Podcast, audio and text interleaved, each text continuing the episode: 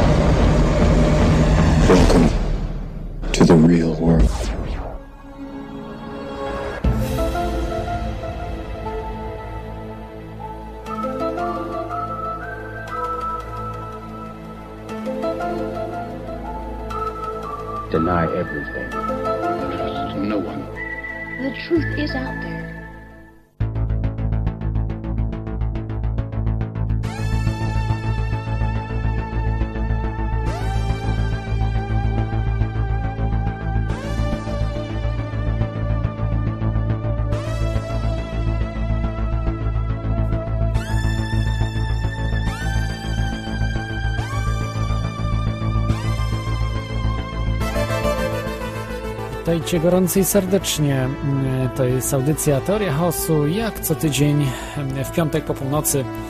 Audycja o spiskach i rzeczach niewyjaśnionych. Z większym naciskiem na spiski, tak jak dzisiejsza audycja, mógłbym powiedzieć. Raczej rzeczy niewyjaśnionych w tej audycji dzisiaj nie będzie. To znaczy niewyjaśnionych w sensie nie z tej Ziemi, czyli wiadomo, kosmici, niesamowite urządzenia, teleportacje. Dzisiaj nic e, z tego nie będzie, będzie zupełnie przyziemna, dwudziestowieczna nauka, a nawet miejscami XIX-wieczna, a także duża doza polityki.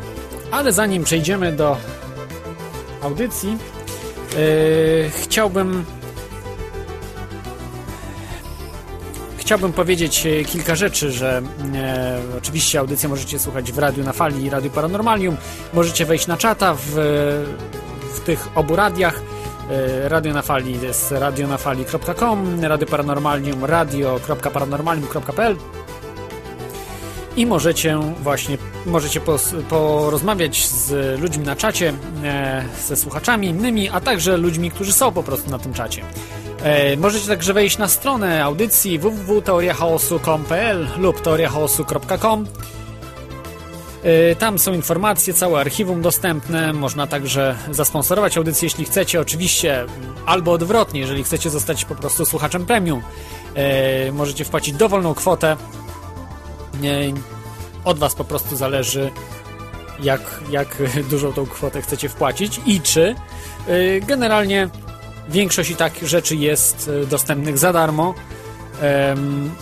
Po prostu robię tę audycję, bo uważam, że jest to słuszne i myślę, że XXI wiek to będzie właśnie wiekiem, że ludzie będą robili rzeczy słuszne, a nie te, które są dla nas wygodne, czy też przynoszą nam splendor, czy cokolwiek innego. Po prostu będzie trzeba robić rzeczy słuszne. Y, Tutaj chciałbym jeszcze, zanim przejdę do audycji, e, zareklamować e, własny projekt, współprojekt, bo nie tworzę go sam, ale pomyślałem, że jest e, miejsce na robienie czegoś takiego nie s- czego nie było jeszcze w Polsce, czyli rzeczy przekraczające mm, wyobraźnię. E, ze znajomymi, e, z ludźmi, których znam, którzy też są aktywni, e, założyliśmy taką grupę The Bill Hicks Experience. Polecam, możecie wejść na stronę Hicks, pisane przez CK, s.podziemie.pl, czyli hicks.podziemie.pl i tam będą ujawnione informacje dotyczące różnych projektów, które, które tworzymy. Może zdradzę, pod koniec audycji zdradzę, jak, jak, jaki jest nasz pierwszy projekt. Natomiast e, polecam Wam wejść, zobaczyć i odwiedzać tą stronę. Jest oczywiście ona inspirowana Billem Hicksem, mm, e, według mnie największym komikiem amerykańskim, przedwcześnie zmarłym niestety, mm, e, ale niesamowicie zarówno zabawnym, jak i otwierającym oczy ludziom. E, Nie dla wszystkich oczywiście ten humor jest zabawny, bo żeby ten humor był zabawny, trzeba mieć wielki dystans. Nie tylko do siebie, nie tylko do życia e, czy do rzeczywistości, ale także dystans do mm, tego, co kochamy na przykład.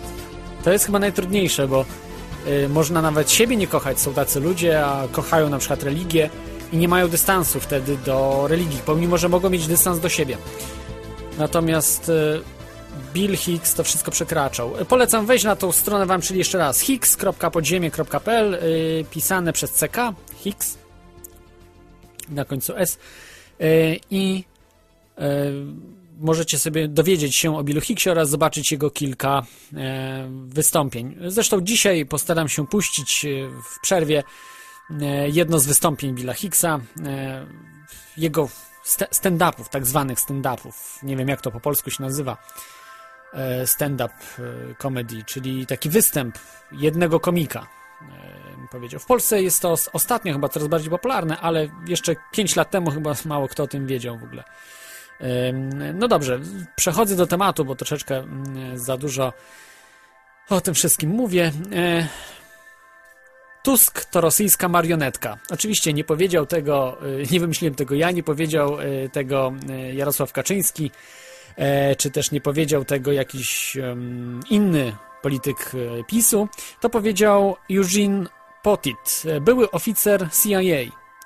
E, Bardzo zasłużony oficer CIA, bardzo znający się na y, polityce, szczególnie tutaj pozaamerykańskiej, y, europejskiej, europejsko-radzieckiej. E, I to są jego słowa. E, Nie, wydaje mi się, że to jest po prostu propaganda. Zawsze myślałem, że jest niemiecką marionetką, ale być może jest rosyjską niemiecką. Możliwe, możliwe, że tak jest. I coś w tym chyba jest prawdziwego. Dzisiejszy temat to jest Smoleńsk, 2010 rok, po trzech latach, czyli katastrofa smoleńska, a może zamach smoleński po trzech latach. Minęły trzy lata. Y, Tym tematem praktycznie nie zajmowałem się od roku 2011, od kwietnia 2011 roku, ze względu na to, że czas y, wydaje się, że zaciera dowody, informacje, ale tak naprawdę zawsze jest odwrotnie. Że czas ujawnia, oczywiście zaciera y, także informacje, ale w dobie, kiedy jeszcze mamy internet wolny, kiedy mamy jeszcze w miarę dostęp do wolnej informacji, tych informacji przybywa jest coraz więcej i coraz więcej wypływa faktów, które mają miejsce, które miały miejsce właściwie i któ- o których możemy się y, dowiedzieć. Y, w 2011 roku zrobimy audycję, także polecam Wam zapoznać się e, z tą audycją. Tam oczywiście było mało konkretów, e, dużo mniej niż będzie dzisiaj i jeszcze mniej niż, bo postaram się jednak w tym roku troszeczkę więcej o Smoleńsku audycji zrobić, także z gośćmi. Także przygotujcie się na naprawdę e, ciekawe audycje. No dzisiaj będzie troszeczkę mojego smęcenia, taki wstęp, można powiedzieć, do Smoleńska, e, który był dwa lata temu. E, Dzisiaj będzie to mm, rozszerzone. Troszeczkę podam Wam niektórych faktów, Mm, ale z... Boże, na, pocz... na, na, początek, e, na początku odbiorę telefon, e, bo mamy już, e, mam słuchacza. Dzwońcie radionafali.com Skype lub e, trz- 22 398 82 26 wewnętrzny 321. E, Z nami jest stały słuchacz. Witaj, stały słuchaczu. Tak, jesteś na Jak antenie. słychać? Bardzo dobrze.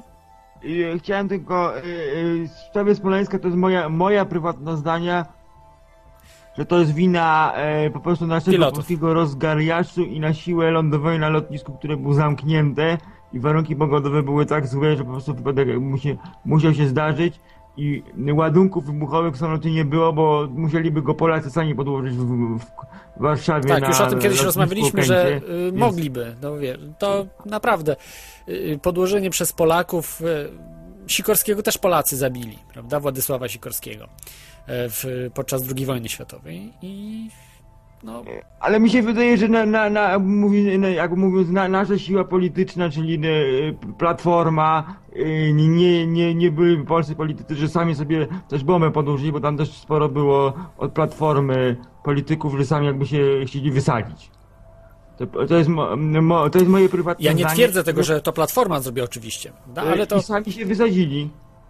E, Ci, co lecieli, to świadomie wsiedli do tego samolotu i popełnili samobójstwo.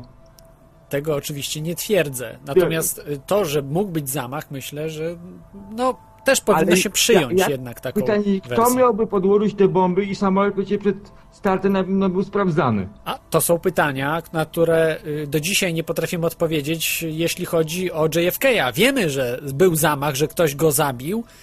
I teoretycznie tak naprawdę na tym się nasza wiedza kończy, bo odnaleziono niby sprawcę e, Lee Harvey Os- Oswalda, a tak naprawdę zupeł, zupełnie inaczej to wszystko wyglądało. E, Jego mózg to zniknął i tak dalej, i tak dalej. mówiąc, podejście. W Polsce nigdy nie było zamachów na polityka. Nie było w dziejach... No, e, jakżeż nie. Ale, ale jak, jak to nie było zamachów? Przecież zginął y, Gabriel Narutowicz, został Ale to zastrzelony. drugą wojną światową, to już było prawie dwa pokolenia do, do tyłu. Dobrze, Bierut na Teraz przykład inna został zamordowany w Moskwie. No to, no to w Moskwie to zabili Rosjanie, na- a, a nie Polacy sami się ten zabili. Ja tak daleko w historię to nie sięgam. Ja mówię o, o współczesnych polityce w Polsce, y, tej 20-30 lat Andrzeja Lepera, kolejny przykład. Ja nie jestem pewien, bo o, o tym, y, o, o tym słuchałem ten, y, jakiś tam, y, że miał być, że to był jakiś y, y, te, tego, ja, ja tam, ja, ja, on był tak, on się już po prostu kończył pod koniec życia Leper. Już nie jestem- polityki go wyrzucili. Zupełnie co y, innego Samobrona się rozpada, rozpadała. Zupełnie co innego mówił w Po, on miał mnóstwo długów. A wcale tak długów dużo nie miał miał, tych długów. Jakieś ciemne interesy tam robił. To są, to są mity rozpowszechniane przez jakichś, jakichś dziwnych ludzi, także No to róż, różnie, o Leperze to on gadał, a, a teraz... dużo ludzi poginęło w ostatnim czasie. Powiedzieć także. e, o, o dokumentach, jakie będą emitowane godziny e, e, i kiedy o, o, o Smoleńsku. E, O, ja nie mam po- tych po- danych. Poniedziałek 8 na TVP1 będzie, to będzie jeden z ten, Anatomia upadku z naszym grafika. Pierwszy film... Nie, nie, Anatomia upadku to chyba jest z yy, grafika. Gargas. Tak, znaczy grafik będzie o e, ósmego na jedynce, jak ktoś chce sobie przypomnieć. Mhm. I pierwszy ten film zrobimy przez od ludzi od PiSu. Anatomia upadku, tak? Mhm. o 22.50 i nowy film e, Ga- Gargas o, o, o Smoleńsku. To O, będzie jeden. emitowany, już panu powiem na którym kanale. To będzie Puls. E, Już mo, mo, momencik. W telewizji Puls, tak? Puls to będzie nowy. Drugi. Który jeszcze nie był emitowany. Tak, jeszcze nie był emitowany, będzie emitowany 10 w środę o godzinie 20. No, czyli mamy wolne media, tak? Bo puszczane są wszystkie praktycznie Będą filmy, wszystkie dokumenty, te dwa, y, czyli naszą Powstały. grafika i to będzie, to będzie w poniedziałek. Oglądałem te dwa wszystkie, niestety Tak, będą oglądałem. y, dwa. ten i potem będzie dyskusja na jedynce po emisji tych dwóch filmów. Będą zaproszeni goście i będą dyskutować w studniu o, o tych filmach. Mhm. Tych dwóch. I w środę będzie drugi y, też PiSu nowy 10 o 20. Czyli wszystkie oba będą, wszystkie będą wyemitowane w rocznicę. Bardzo ciekawe. Czyli, yy, czyli stały słuchaczu, sądzisz, że to był błąd pilota? O, Błąd pilota, to lotnisko, to lotnisko, Lotnisko było nieprzygotowane. zamknięte. Wylądowani na normalnym lotnisku pasażerskim, co normalnie lądują samoloty, nic by się nie stało. Po prostu samolot by wylądował, pojechaliby samochodami i nie było problemu. W Moskwie Jak na przykład. mgła taka, że nie było widać na dwa metry, na dwa metry, wiecie, wylądował ten jak i mówił, jest nagranie, że piloci, że mgła jest bardzo duża i nie było, i nie było jak lądować. Lotnisko w ogóle nie było przystosowane, było zamknięte, nie było żadnych, e, radary były jakieś stare, przedpotopowe, pilot nie umiał po angielsku, tylko po rosyjsku, yy, po prostu wszystko było tak zorganizowane do kitu, że ten boru nawet na lotnisku nie było. To znaczy sprostuję, bo y, po y, rosyjsku mówił jeden, kapitan, pa, Tak, a, ale a, on musiał y, Protasiuk? y, pilotować, przekazywać Arkadiusz informacje, a powinien to drugi pilot robić. tak, tak, y, tu się zgadzam, że to, y, to było skandaliczne, że nie znali rosyjskiego. Tak, tak łapu capu, jak, Y, jak to w Polsce. No, A nuż się tak, uda. ale jeden znał.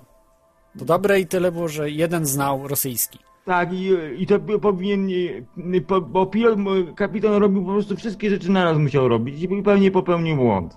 Jeszcze ukształtowanie terenu było takie, że, że utrudniało przez czujnikom pokazującym Tak, tak, o tym, o tym dojdę i powiem. O, o, o E, e, sprawie. Te, i, i to jest tylko tyle. I jeszcze mam prośbę za tydzień, jak będzie audycja, żeby jakieś nefsy, jeżeli coś w ogóle wiadomo o sobie zimnej fuzji. króciutko po prostu 5 minut na początku, czy coś w ogóle się w tym kierunku dzieje. Tak, postaram się, tylko właśnie Bo czasowo nie wyrabiam. Po prostu przyznam się, nie wyrabiam się czasowo. Robię jeszcze inne rzeczy zupełnie, y, inne projekty też, także po prostu no A, y, a mam pytanie, chciałem, chciałem ja- to zrobić, ale nie daję rady. Tam, y, dofinansowałem audycję. Tak, dziękuję, Informacji bardzo. e-mailem, co dostałem, co będzie w audycjach na dwa tygodnie do przodu. A to proszę nie, nie, nie informuj, nie, bo to tylko jest dla sponsorów inform- Wiem, informacji. wiem, wiem, ale oczywiście. czy, jak hasło trzeba jakieś podać na stronie, żeby wejść tam głębiej? Yy, yy, tak, ja, ja po prostu trzeba maila wysłać. Maila wysłać z, pro, z prośbą, także, także wtedy, wtedy M- zakładam. Muszę odesłać się. Yy, tak, i poinformować mnie, że i mailem, że, że chcesz, i wtedy po prostu zakładam, zakładam konto i tam w, w mailu są szczegóły. Yy, A czyli co ja- dopiero konto muszę założyć. Ja, ja, to znaczy ja zakładam konto, bo jest, jest to Bo chyba zakładane mam przeze mnie. założone, bo hasło mi pan przysłał. Yy, trudno mi powiedzieć, musiałbym, musiałbym sprawdzić, nie pamiętam, nie pamiętam. Nie, nie wiem, bo num, hasło, numer mam przyznany już. Może, może to do list, listy po prostu sponsorskiej. No trudno mi powiedzieć. Y, Proszę, stały słuchaczu, napisz maila, to ja wszystko sprawdzę po audycji. Dobra. Także dziękuję, To dziękuję Ci. No, to, no to słucham audycji, może zmienię Dziękuję za informacje. Dziękuję za informacje dotyczące e, tutaj. No i oglądam, no i oglądam na pulsie ten yy, Nowy. o, o tych spiskach. To znaczy na pulsie o I na, Anity pól, na planetę. A, na planet Zeitgeist. Tak. Powtórka ma być. Aha, Yy, bo nie, za pierwszego. będzie w czwar, yy, piątek będzie następna część. A, no Wszystkie części będą. wszystkie. No te późniejsze to już taki komunizm typowo, to już nie polecam, ale pierwsza jest, jest e, jeszcze w miarę. To Ojciec oglądał ze mną, mówił, że bardzo ciekawe. Pierwszy, tak, no pierwszy jest, jest, jest, jest dobry. Jest po prostu y, nie do No. uwierzenia.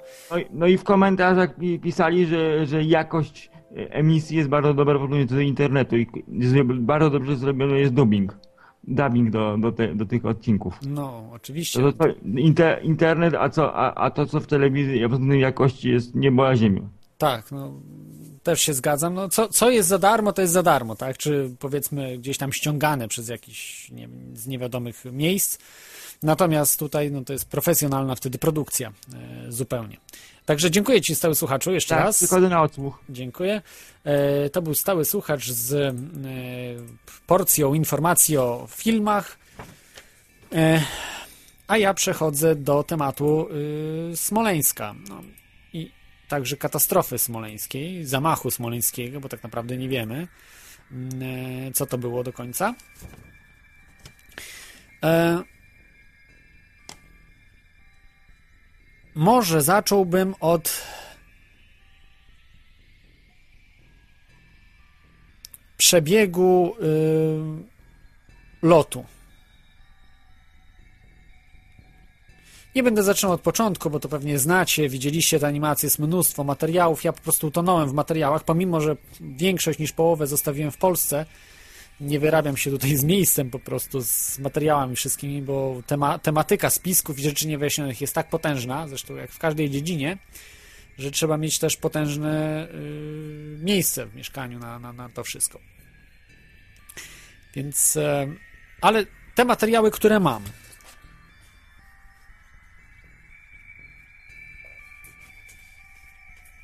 to mogę Wam przedstawić e, właśnie przebieg lotu. Generalnie e, w, czasie lotu łamano wiele przepisów. E, nie tylko tego podejrzewam, że do dzisiaj są łamane te przepisy i, i się nic nie zmieniło w tej kwestii, niestety. Może, może się zmieniło, trudno powiedzieć, nie wiem, ale w samolotach tych prezydenckich był zainstalo- zainstalowany system TAFS. Y, System ostrzegający przed zbliżaniem się do Ziemi, przed uderzeniem z Ziemią. E, Taki ten znany e, pipczek, pu- pull-up, pull-up, czyli żeby podciągnąć e, e, samo, samolot, bo po prostu zderzy się zaraz z Ziemią. I on tam e, pikał, prawda? E, on był wyłączany przez pilotów właśnie po to, aby nie pipczał. A dlatego, żeby nie pipczał, ze względu na to, że ten system TAWS był niedostosowany do niektórych lotnisk. To znaczy lotniska, mm, takie jak e, właśnie lotnisko Siewierni w e, Smoleńsku, nie miało y, połączenia elektronicznego z systemem TAWS. E, i to powodowało, że on po prostu się włączał cały czas. Więc e, po prostu musieli korygować, musieli właśnie, nie powinni tego robić, natomiast piloci przestawiali e, ustawienia barometrów, jeśli dobrze, dobrze pamiętam, e, wysokościomierzy, to znaczy tam parametry ba, e, barometromie, e, no, pogubiłem się w tym wszystkim. W każdym razie w wysokościomierzu wtedy następowały błędy wyświetlania. Z tego co pamiętam. E, a robili po to, żeby oszukać ten system TAFS. No, było to dosyć nieodpowiedzialne, bo ja wiem, że to pykanie rozprasza i faktycznie, mm, no ale można było pomyśleć o czymś innym, jakoś inaczej to rozwiązać. Ale właśnie także y, były te ustawienia zmieniane przez pilotów. Tutaj przeczytam wam fragment dialogu i oczywiście nie chcę was zanudzać, bo też znacie pewnie ten dialog yy, z mm, skrzynek, czarnych skrzynek, właściwie czerwonych skrzynek, ale, ale czarnych skrzynek. Yy, oczywiście mówi się na nie czarne skrzynki, z których właśnie odczytano yy, te, te, te, te dialogi. Jest bardzo krótki, ale bardzo tłumaczy wiele rzeczy. Pierwszy głos to będzie, to znaczy będzie jeden głos, ale e, występują dwie osoby. E, Głos osoby trzeciej oraz dowódcy samolotu. Praktycznie tutaj cały czas e, ka- kapitan, w tej chwili już major Protasiuk mówi. E, 10 godzina 26 minuta czasu moskiewskiego, czyli GMT plus 4, czyli 3 godziny w przód od czasu polskiego. 10.26 czasu mos- mos- mos- moskiewskiego. Kapitan Protasiuk. Panie dyrektorze, wyszła mgła. W tej chwili, w tych warunkach, które są obecnie, nie damy rady usiąść. Podkreślam, to są zapisane rzeczy ze czarnych skrzynek. To nie są wymyślone rzeczy przeze mnie. Ani przez, ani przez Donalda Tuska, ani y, pana y, Edmunda Klicha, czy Jerzego Millera, czy tym bardziej e, pana posła Macierewicza. Kapitan Protasiuk. Spróbujemy podejść, zrobimy jedno zejście, ale prawdopodobnie nic z tego nie będzie. Tak się okaże. To co będziemy robili? Paliwa nam tak długo nie wystarczy do tego. Tutaj mówi osoba trzecia, okazała się nią y, osoba dyrektora Kazany misji tej e, właśnie e, biura chyba prezydenckiego, to był dyrektor. W każdym razie, czy, czy tej misji, e, czy tej, czy tej um, wizyty. I pan Kazana powiedział: No to mamy problem. Potem kapitan Protasiuk. Możemy pół godziny powisieć i odlecieć na zapasowe. E, Kazana. Na razie nie ma decyzji prezydenta, co dalej robić. No to nie jest decyzja. Przepraszam. Ten dialog mówi wszystko. To jest dialog zapisany i z tym nie ma co dyskutować, że to Rosjanie zmanipulowali, że dograli kogoś i tak dalej. No można takie rzeczy twierdzić, ale ja sądzę, że jest ten dialog prawdziwy. Jeżeli się nie zgadzacie, yy, to oczywiście yy, to proszę zadzwońcie i sprostujcie mnie, ale ja uważam jednak, że to nie było zmanipulowane. Co, o czym to świadczy? Po pierwsze, to, że w momencie lądowania, czy tuż przed lądowaniem, pan Kazana nie ma prawa wejść do kabiny pilotu, pilotów i dyskutować. Jest, musi być to ustalone wcześniej. Yy, takie rzeczy muszą być ustalone wcześniej i koniec. I, i pilot decyduje, czy ląduje, czy nie. I tylko informuje yy, prezydenta. Oczywiście, jeżeli jesteśmy w stanie wojny, to może być jakoś inaczej. Może prezydent ryzykować bardziej i tak dalej, ale w, czasach pokoju nie ma sensu ryzykowania y, własnym życiem, także życiem większości ludzi. I ten zapis świadczy o tym, że faktycznie może nie wiemy, czy były naciski, że nie było bezpośrednich nacisków, ale mówienie, no to mamy problem, jest już naciskiem, jeżeli ktoś rozumie elementarną psychologię osoba, która jest odpowiedzialna za tą misję, jest y, po prezydencie, powiedzmy, gdzieś tam e, wysoko postawionym, e, dygnitarzem i mówi do pilota, no to mamy problem. Nieźle musiało to zestresować pilota. Tutaj muszę się zgodzić z e, właśnie mm, tym, co twierdzą z tymi ludźmi, którzy stoją po tej złej stronie, powiedzmy, czyli ludźmi e, po stronie Platformy Obywatelskiej, tego całego tam rozgardiaszu i po stronie Rosjan, że to nie powinno mieć miejsca po prostu. I później jeszcze słowa, na razie nie ma decyzji prezydenta, co dalej robić. Jest już nie, niedługo przed lądowaniem, a tu nie ma decyzji, trzeba czekać na decyzję prezydenta. No przecież to jest absurd. To jest kompletny absurd. Tak.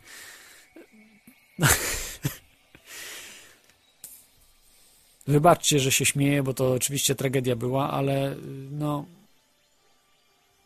To nie jest decyzją prezydenta, czy wylądować tu, na tym lotnisku, czy na tym. Prezydent ma po prostu wylądować bezpiecznie na terenie Rosji, a nie y, tam, gdzie on chce koniecznie.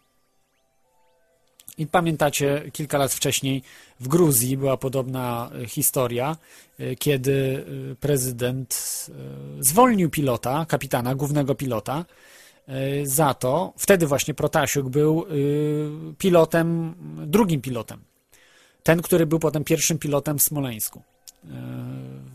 To tam, tamtego pilota zwolnił, zwolniono właśnie za to, że nie zgodził się wylądować na, na lotnisku w Tbilisi, tylko wylądował właśnie chyba gdzieś, e, w, gdzieś indziej, nie pamiętam, chyba w, poleciał chyba do Rosji, do któregoś czy coś. No, w każdym razie nie wylądował w Gruzji, bo były warunki nie, nieodpowiednie. No i za to, za to został zwolniony, że być może uratował prezydentowi życie. I tutaj nie ma co dyskutować z tym. Yy, Tak samo zachował się Lech Wałęsa. Mam tutaj książkę, którą dwa lata temu przedstawiałem. Yy, Prawdę mówiąc, dużo więcej o Smoleńsku nie czytałem książek. Jeszcze jedną czytałem rosyjską propagandówkę trochę. Yy, Książ innych, innych za bardzo nie, bo też niestety są propagandowe. Ta jest dosyć książka. Mm, druga część powstaje, Ostatni lot. Jana Osieckiego, Tomasza Białoszewskiego i Piot- Roberta Latkowskiego. E, Powstała druga część tej książki już konkretnie o Smoleńsku, natomiast ta książka opisuje kulisy e, ogólnie właśnie pracy pilotów. Pilotów dla prezydenta, y, dla kancelarii, premiera czy prezydenta. Prezydent Wałęsa identycznie się zachowywał, jednak miał lepszych doradców, y, doradców mądrzejszych i bardziej, którzy postawili na swoim, po prostu, no tak kolokwialnie mówiąc, mieli jaja i potrafili się postawić w Wałęsie i stanęli w obronie pilotów. Właśnie tego pilota akurat to była sytuacja z Robertem Latkowskim, który nie mógł wylądować w Gdańsku i wylądował w Warszawie, za co Wałęsa chciał go zdymisjonować. Natomiast doradca, któryś tam z doradców Wałęsy właśnie stanął po stronie pilota i wytłumaczył Lechowi Wałęsie, prezydentowi Lechowi Wałęsie, że po prostu on dbał o jego życie. O Lecha Wałęsy, że, y, że po prostu tam mogło się zakończyć wypadkiem. I y, w dzisiejszych czasach jednak jak widać jest po prostu to y, doradcy są bardzo ulegli i boją się przeciwstawić y, wodzowi. Więc y, więc to niestety jest smutna sprawa. Natomiast nie uważajcie, że ja będę krytykował tylko i wyłącznie prezydenta Lecha Kaczyńskiego. Za chwilę dostanie się także mm, tym, którzy rządzą Polską przez ostatnie lata, bo y, oni są bardziej odpowiedzialni tak naprawdę za to wszystko. Y, a może niekoniecznie za tą katastrofę odpowiedzialni bardziej, ale na pewno są odpowiedzialni bardziej za y, to, co się dzieje z państwem polskim. Jak państwo polskie jest, Polska jest krajem niepoważnym.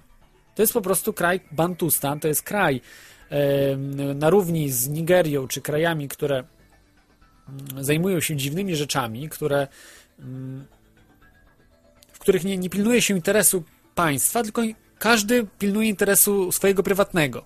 Każdy ma swój prywatny folwark, nikt za nic nie odpowiada i państwo nie ma siły na nic. Podejrzewam, że jakby ta katastrofa na Białorusi się wydarzyła, e, byłoby to samo. E, a Białoruś wiadomo, jakim słabym jest państwem w porównaniu do Rosji.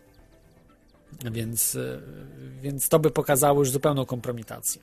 Natomiast to, co dzia, działo się e, z wrakiem samolotu w Rosji i tak dalej, to wszyscy wiemy i o tym, o tym opowiem później. E, W tej sytuacji jeszcze tylko powiem, że pilot był naprawdę tutaj akurat nie, nie można było nic mu zarzucić, bo próbował ratować swoją sytuację. Powiedział, że paliwa wystarczy na pół godziny, że możemy pół godziny powisieć i odlecieć na zapasowe. Że można jeszcze 30 minut posprawdzać. E, I słusznie zakładał właśnie mm, pilot, y, kapitan Protasiuk, że mgła może zacząć ustępować, bo dodam wam, że tam była mgła po prostu, dlatego był, był problem. No, tak jak tutaj słyszeliście, prawda, że warunki pogodowe to chodziło o mgłę. Widok na 400 metrów maksymalnie, a nawet mniej w późniejszym czasie. Ka- okazało się, że się pogarszała ta mgła, a nie yy, nie nie rozrzedzała. Także tak to wynika, że y, mówienie o braku nacisków, że generała Błasika wcale nie było w kabinie, czy był, czy nie było, trudno powiedzieć. Y, niektórzy twierdzą, że był, niektórzy nie, ale samo to, że ktoś był, że wchodził do kabiny w momencie tuż przed lądowaniem, jest sprawą niepoważną. Więc y, to. to nie powinno mieć miejsca. Katastrofa zdarzyła się e, w gruncie rzeczy e, o 10, e, 10.40. O, 10.41, trudno powiedzieć, jest to tak w granicach. E, I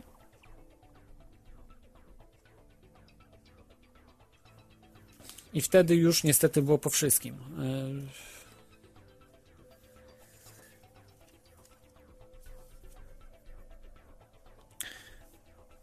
I teraz jest, następuje pytanie. Czy musiało do tego dojść, do tej katastrofy? Zawsze patrząc z, z mm,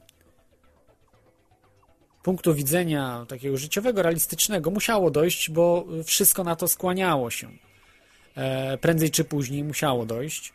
Mm, Na pewno pamiętacie katastrofę mm, Kazy z w której uczestniczyli e, sami wojskowi.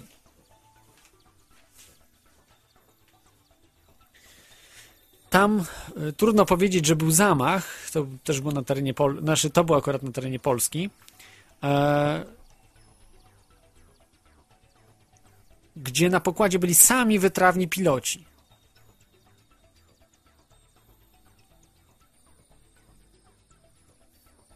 I też się zdarzył właśnie mm, podobny wypadek. Wszyscy zginęli, gdzie samolot był bardzo wytrzymały, wytrzymalszy niż Tu-154, mm, e, ten samolot Kaza. Niestety został y, kompletnie zniszczony. Czy tam był zamach? Trudno powiedzieć. Z przecieków, które do mnie dotarły, wyni- wynik- wynika, że e, byli bardzo pijani. Wszyscy praktycznie byli pijani, a najtrzeźwiejsi prowadzili, albo ci, którzy może najwięcej wypili, się nie bali e, lecieć samolotem. Także to wszystko utajniono, zamieciono pod dywan. Jak wyszło to, że po prostu wszyscy byli pijaniuś, no, pijani jak no, jak wiecie kto, czy co. Także, y, no jest to jest to sprawa podobna z Tu-154. Natomiast tutaj mm, było, była inna sytuacja, że piloci nie pili. E, Nie, nie było czegoś takiego e, w tym akurat miejscu, ale była mm, taka indolencja zarówno władz, które organizowały tą, e, tą no, wyprawę, czy, czy też tę, tą wizytę w Rosji, czy też już sami organizatorzy, czy którzy brali udział w tej, e, w tej, e, w tej wizycie. I to było po prostu. Nie o to chodzi, że za dużo ludzi, za dużo jakichś tam VIP-ów upakowano w jeden samolot, bo wcale tych VIP-ów dużo nie było. W Polsce VIP-ów jest aż tyle, że można byłoby 20 takich samolotów zapakować i jeszcze zabrakłoby miejsca. E, po prostu jest straszna ilość klasy politycznej. Naprawdę, to są, to są całe oceany ludzi. Więc e, to mówienie, że to cała elita zginęła Polski, że to, no to jakieś są naprawdę no, aberracje umysłowe.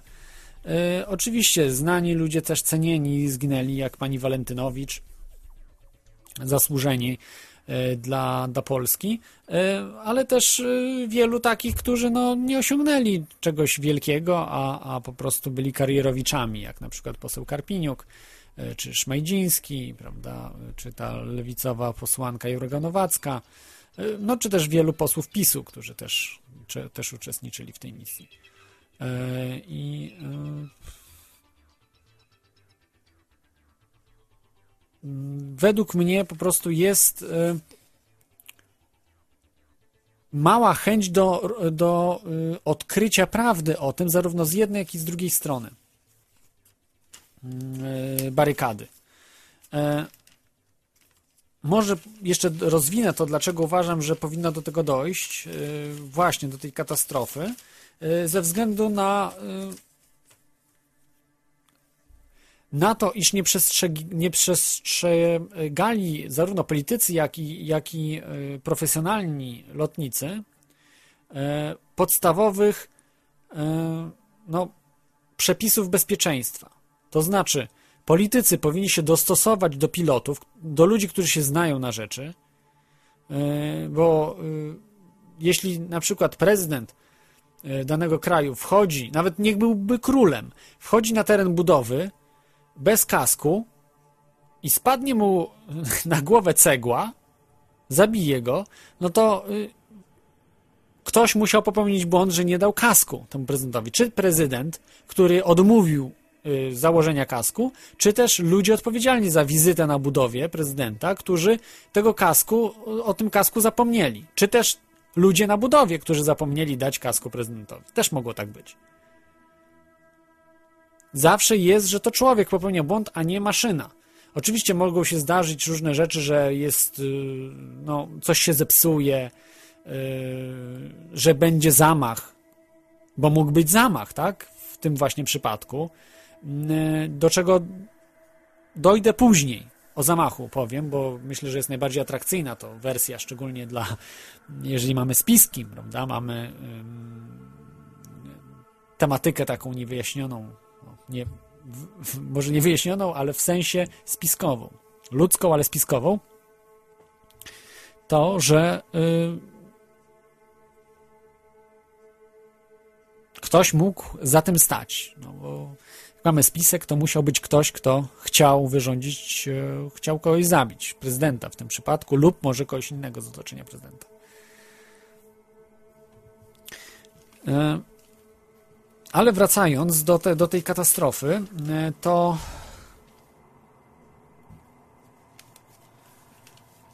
to właśnie jest tak, że są odpowiedzialni za to ludzie. E, I zarówno tutaj byli odpowiedzialni piloci, którzy nie przestrzegali procedur, wyłączali sobie, dodawali sobie jakieś różne, różne pomiary, żeby ten TAWS nie działał, żeby jakieś tam, nie wiem, zmylić różne czujniki i tak dalej. Y, Dobrym przykładem jest chociażby pilotów, pamiętacie takiego kapitana Wronę, który został bohaterem, odznaczony, w ogóle wylądował bez podwozia. To znaczy podwozie nie chciało się otworzyć i po prostu wylądował perfekcyjny pilot. Ale potem okazało się, on był w ogóle taki trochę mm, taki zawstydzony, jak dostawał te ordery i tak dalej, bo znał prawdę. Bo ten człowiek, właśnie kapitan Wrona, znał prawdę. Ale prawda była taka, że ci właśnie albo popili y, kapitan Wrona, to piloci lotu, ci tam Wrona i tam technik, prawda, drugi pilot i tak dalej, i tak dalej, wszyscy, którzy tam byli, nie wiem, czy trzech jest akurat, czy, czy dwóch, ilu ich było w kabinie pilotów, w każdym razie oni popełnili błąd, że przełączyli jeden przełącznik, o którym zapomnieli, który blokował y, otwarcie podwozia. I później oni nie mogli tego otworzyć, było blokowane, że zapomnieli chyba też o ręcznym otw- otwarciu, albo coś się zablokowało, zapomnieli o tym sztyczku jednym. I przez to po prostu narazili załogę na. Yy, załogę, załogę też, ale narazili przede wszystkim pasażerów na niebezpieczeństwo. Dobrze, że nikomu się nic nie stało. Uszkodzili samolot, za co powinni ponieść konsekwencje, a dostali nagrody. To jest Polska. Gdzie prawda jest mniej ważna niż bohaterstwo. Jest to absurd. No, socjalizm. Walczy się bohatersko z rzeczami nieznanymi wszędzie indziej na świecie. Także. Yy... Także niestety, no, y, piloci też nie są y, bez winy. Też robią właśnie głupie rzeczy. No, chociażby tak jak właśnie ten kapitan Wrona z załogą. Y, Wykazali się wyjątkową indolencją, wyjątkową pomysłowością. Albo po zbyt dużą wypitą ilością alkoholu. Też mogło tak być. No. Jeżeli się dużo popije, to człowiek zapomina. Czas się wydłuża, znaczy czas się skraca, to znaczy człowiekowi się wydłuża ten czas, ale tak naprawdę te minuty szybciej znacznie biegną. Mamy zwolnione tempo reakcji. E, Każdy, kto pije alkohol, to doskonale o tym wie. Em, Inna sprawa y, to jest właśnie kwestia polityków, którzy mm, no, właśnie zmuszają pilotów do tego typu działań. Wchodzą, kiedy chcą, do, do kabiny pilotów. Y, No, no to, to, to jest niebywałe, niebywałe. Y, I przeszkadzają, że jakieś głupie właśnie rzeczy mówią, no to mamy problem. Nie wiadomo o co chodzi, to mamy problem. Mamy problem z panem Protasiukiem, że to ostatnia jego misja? Czy mamy problem z tym, że, że co? Że będziemy spóźnieni chwilę czy coś? No, no ludzie.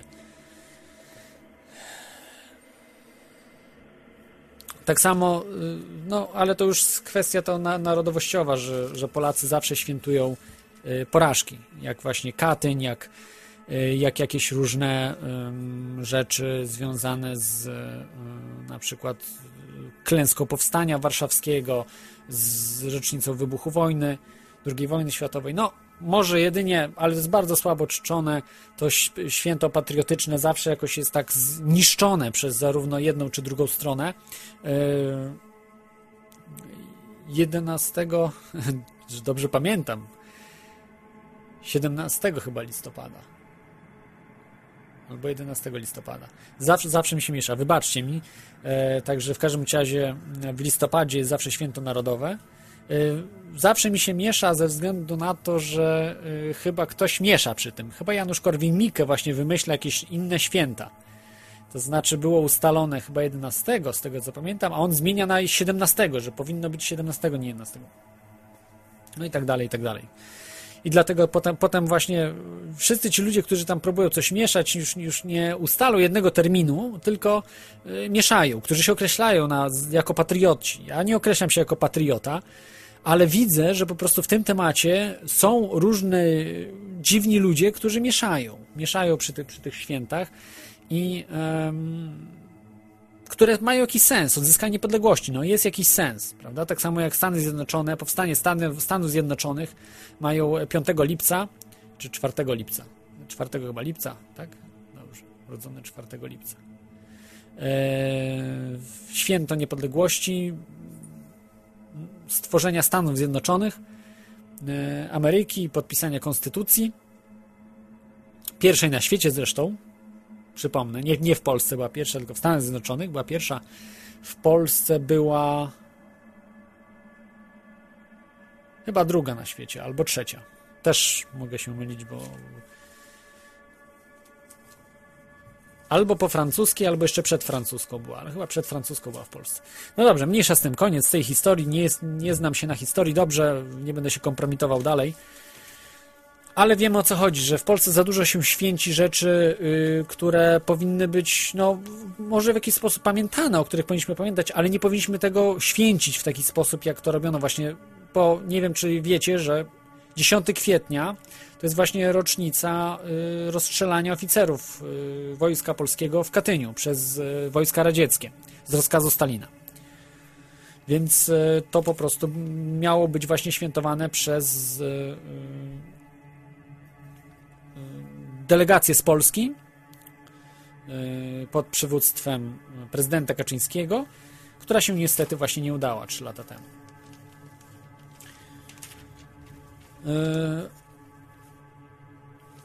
No to może tyle y, bym powiedział o tej stronie tutaj polskich polityków i, i pilotów, o których widać, że zarówno z jednej, z drugiej strony jest olbrzymia nieodpowiedzialność. Olbrzymia. Już pomijając cokolwiek y, o zamachach, bo potem do tego wrócimy. Bo to faktycznie jakoś w jakiś sposób by mogło usprawiedliwić. Tylko to e, pilotów czy polityków. Natomiast, natomiast tutaj fakty, te, które mm, przeczytałem, które znam, świadczą jednak też o, o tym, że mogło się to y, wydarzyć.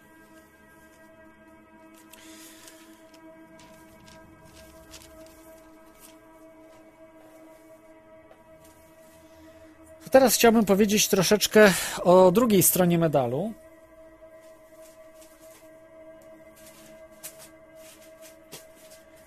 Czyli o rządzącej elicie, e, czyli Platformie Obywatelskiej i powiązanych e, ludziach z tą partią. E, Głównie chodzi o premiera Donalda Tuska, o, o także prezydenta, wcześniej bardzo wpływową osobę, także w Platformie Obywatelskiej, czyli prezy- prezydenta aktualnego Bronisława Komorowskiego, a także różne osoby jak chociażby e, Paweł Graś, no pan arabski z, e, z właśnie z kancelarii premiera. No i te osoby w 100% przyczyniły się także do tej katastrofy, czy był zamach, czy nie. Ze względu na to, że utrudniały tą wizytę.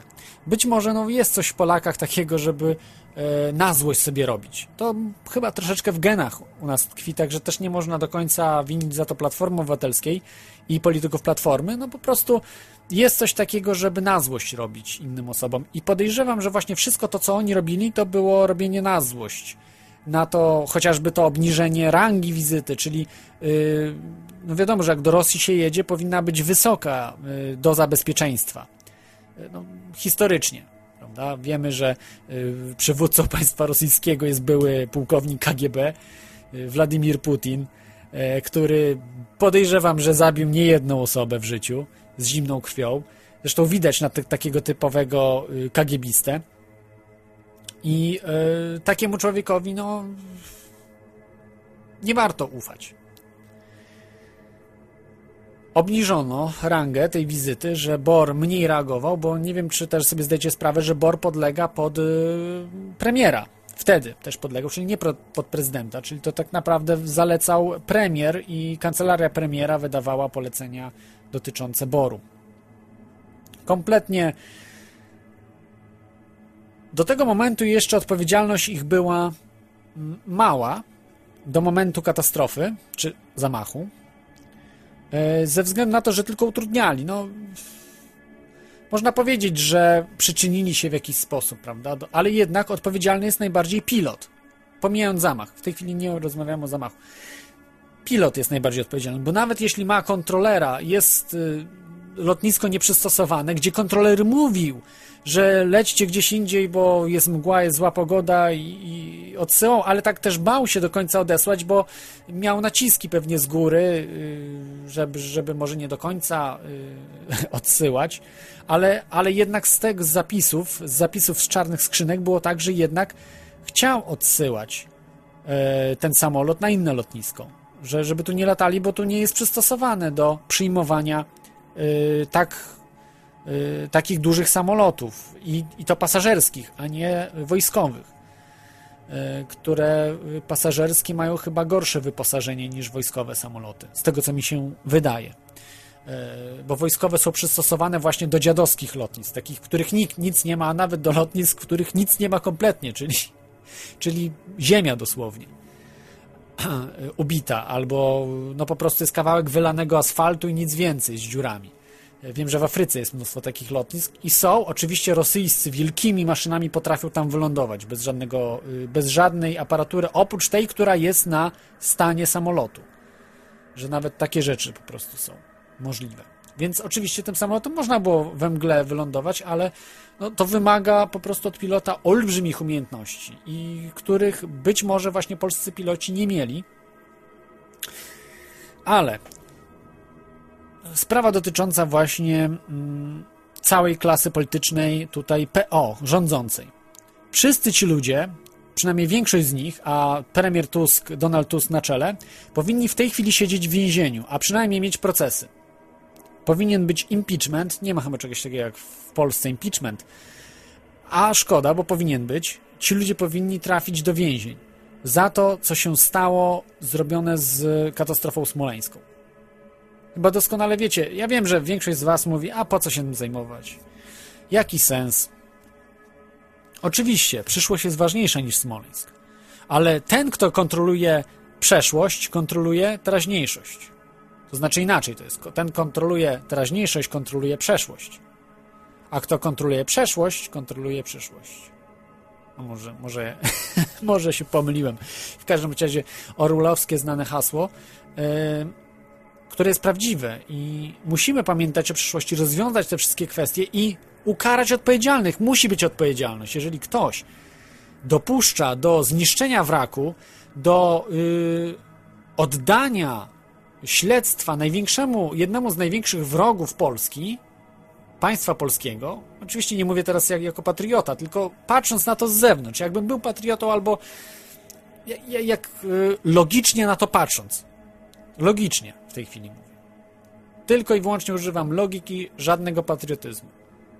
To jeżeli mamy jednego z największych wrogów Polski i my oddajemy mu nie tylko śledztwo, ale skrzynki czarne, bo nie wiem, czy wiecie, że skrzynki te czarne są nadal u, u, w, w Rosji. Nigdy nie były w Polsce. Rozumiecie?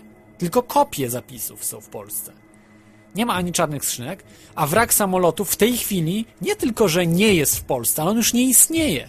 Nie ma wraku. Ten wrak jest w tej chwili jedna ósma, może została jedna dziesiąta wraku. Reszta została albo rozkradziona, rozwalona, zniszczona i w tej chwili przykryta pod pięcioma namiotami, aby nikt nie mógł zobaczyć, że, że nie ma tego wraku. Po prostu jest to schowane. I za to należy się y, Trybunał Stanu dla całej klasy rządzącej. Absolutnie.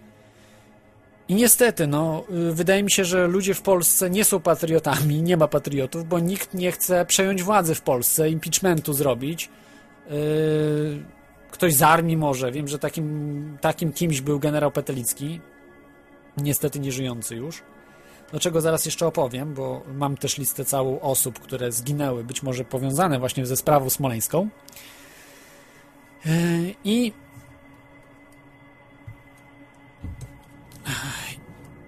I co najważniejsze, mm,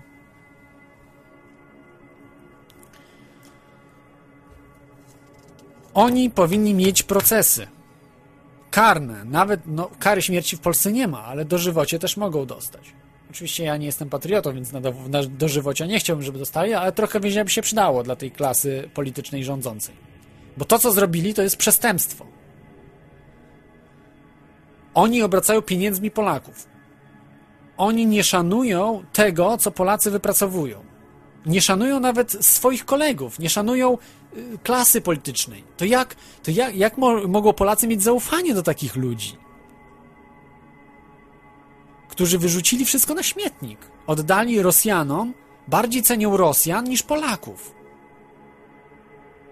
To tak jakby ktoś, mając swoje dziecko, bardziej się przejmował dziećmi w Afryce niż swoim dzieckiem. No jest to absurdalne. Ale właśnie globaliści tego uczą, że tak to ma wyglądać. I oni są tego nauczeni, ta klasa polityczna. Dlatego ich miejscem jest więzienie. Pana prezydenta Komorowskiego, pana Donalda Tuska. I nie mówię tego jako patriota, tylko jak logicznie patrzący z zewnątrz na to człowiek. Ja mówię, mnie to nie obchodzi, bo czy oni będą w więzieniu, czy nie, to nie ma znaczenia yy, dla mnie, bo nie mieszkam w Polsce. Ale, ale tak powinno być, bo to jest po prostu sprawiedliwe. Jeżeli chcemy mieć jakiś kraj w miarę sprawiedliwy, poważny, to musi być pewna odpowiedzialność za złe czyny. Nie wiem, czy wiecie, bo możecie twierdzić, a z zachodu kazali, bo na pewno by, jak to okazałoby się, że zamach, to by nie pomogli, że, że zachód miał, wypiął na nas znowu, powiedzmy, tyłek na nas wypiął, jak zwykle. Y, że Rosjanie też nie, nie bardzo, że, że baliśmy się Rosjan. No dobrze, baliśmy się Rosjan, jesteśmy w NATO, mamy za sobą Zachód i nie wiem, czy wiecie, że po pierwsze, yy, ludzie z NATO, postawieni w NATO wysoko, powiedzieli, że może powstać komisja właśnie natowska razem z tą rosyjską. I że będzie razem tam prowadziło śledztwo. Oczywiście Polacy odmówili. Y, Mało tego, prezydent Obama w ostatnich, y, podczas ostatnich odwiedzin Polski powiedział Jarosławowi Kaczyńskiemu, że USA pomogą w śledztwie, jeśli władze polskie wyrażą chęć na to.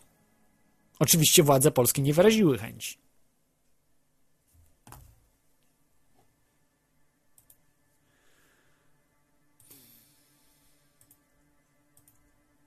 No jest to, jest to nad wyraz nieodpowiedzialne, bo y, jak wiemy, y, stowarzyszanie się z Rosją czy Niemcami y, grozi nam po prostu kolejnym rozbiorem. Ja uważam, że ten rozbiór już nastąpił i w tej chwili kraje Zachodu, jak nawet Niemcy, Niemcy nie są aż tak y, w tej chwili źle do Polski nastawieni jak Rosja, więc e, tutaj akurat nie ma aż du dużych problemów, ale kraje, które, jak Wielka Brytania, właśnie Stany Zjednoczone, no Francja to zawsze gdzieś tam Polskę miało w małym mniemaniu, ale Wielka Brytania czy Stany Zjednoczone zawsze gdzieś yy, yy, z Polską były w miarę związane, że dużo, dużo pomocy udzielały Polsce.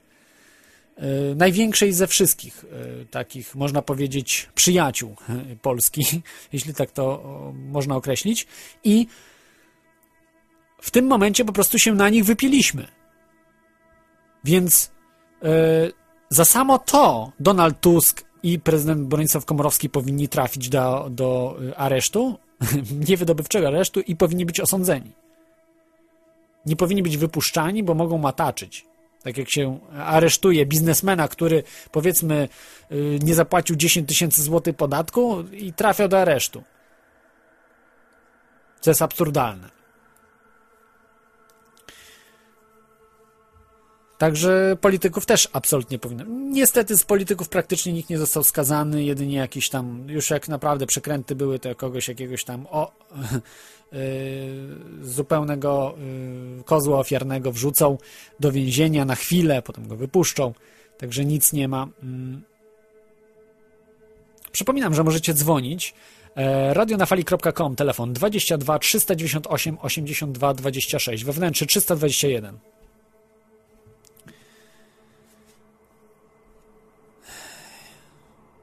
Także ja tak uważam, że y, pomimo, że nieważne, czy był zamach, czy nie było zamachu, czy to była spowodowana katastrofa przez y, posłów PiS, czy może nie posłów PiS, no, kancelarię prezydenta, tak, na przykład pan, pana Kazane, y, czy też y, błędy pilota, to i tak Donald Tusk powinien z Bronisławem Komorowskim i całą świtą Platformy Obywatelskiej, no, pan arabski to już w ogóle chyba numer jeden, numer uno powinien być. Oni, ale Donald Tusk chyba jednak na, na, na górze, bo to tak naprawdę pan arabski pod Donalda Tuska podlegał. I podlega. Więc oni powinni mieć proces. Za to. W Polsce niestety patriotów praktycznie nie ma, odważnych patriotów, patriotów, którzy chcieliby przejąć władzę w kraju, którzy by chcieli coś zrobić dobrego dla, dla kraju. Tą, tą sitwę, tą polityczną tych agentów, no, agentów czy świadomych, czy nie, jak, jak powiedział jak powiedział był oficer CIA Eugene Pota, Tusk to rosyjska marionetka zawsze się mówił, że Bronisław Komorowski to jest rosyjska marionetka. On powiedział, że Tusk. Wszystko jedno, w każdym razie jeden i drugi może być rosy, rosyjską marionetką. I jest, i jest, podejrzewam. Czy są agentami świadomymi, czy też agentami nieświadomymi, to nie jest, jest bez, bez znaczenia. Tak czy inaczej powinni mieć proces. Nie wiem, do tego nie dojdzie na pewno, nikt, nikt nie ma odwagi, wszyscy się boją. Ja też się boję, bo tylko mogę o tym mówić. No ale nawet audycje nie powstają o tym. W Radio Maria to się boją o tym powiedzieć, że powinni przed sąd y, powinien być postawiony. Yy, więc to jest. Yy, no, ja naprawdę, to, to mnie nie, nie obchodzi, co się dzieje, tylko że jeżeli takich rzeczy się nie rozliczy, e, to później będą jeszcze gorsze rzeczy robione i, i są wdrażane, dlatego, bo po prostu władza widzi, że może robić wszystko z, ze społeczeństwem. I tu nie chodzi o pamięć Lecha Kaczyńskiego, chodzi o to, że y, Donald Tusk z całą świtą swoją z, z, uczynili Polskę krajem kompletnie niepoważnym. On był wcześniej niepoważny, ale w tej chwili już jest kompletnym bantustanem. To już nie ma Polski, już kompletnie nie ma. Jak już rozrobiłem audycję w 2011 roku i powiedziałem, że nie ma Polski i niestety to wychodzi, że Polski już od dawna nie ma tak naprawdę. Wszystko jest łupki są sprzedane Amerykanom i ro, później Amerykanie Rosjanom to sprzedali. Także, także te gazy łupkowe, o których słyszeliście, to wszystko już należy do Rosji. Y, Polskiego niedługo nic nie będzie. Ziemia zostanie wykupiona przez zagranicznych inwestorów, y, w cudzysłowie inwestorów, bo to, to będą po prostu pod, podstawione państwa. Po prostu państwa wykupią, tak jak w Grecji wiem, że też Niemcy planują wykupić jakieś e, wyspy i tak dalej. No Grecy są bardziej patriotyczni niż Polacy, więc może to nie, łatwo nie pójdzie. Ma, e, ma, na antenie jest z nami e, Grzegorz. Witaj Grzegorzu. Witam, witam. E, Tak zadzwoniłem, żebyś tak sam nie gadał. Dzięki. Co sądzisz o tej katastrofie smoleńskiej? Kto winien, kto nie winien i czy do tego musiało dojść? To znaczy, może ja zacznę, ponieważ się akurat dołączyłem, kiedy mówiłeś o tym, że wszystko wysprzedane będzie. Tak Tusk Znaczy, tam już w większości chyba jest. E, No jest pewnie tak, bo nam się wmawia, że prywatyzacja dobra, tak? Prywatyzacja dobra. Wodociągi teraz najlepiej sprywatyzować. Wszystko sprywatyzować najlepiej.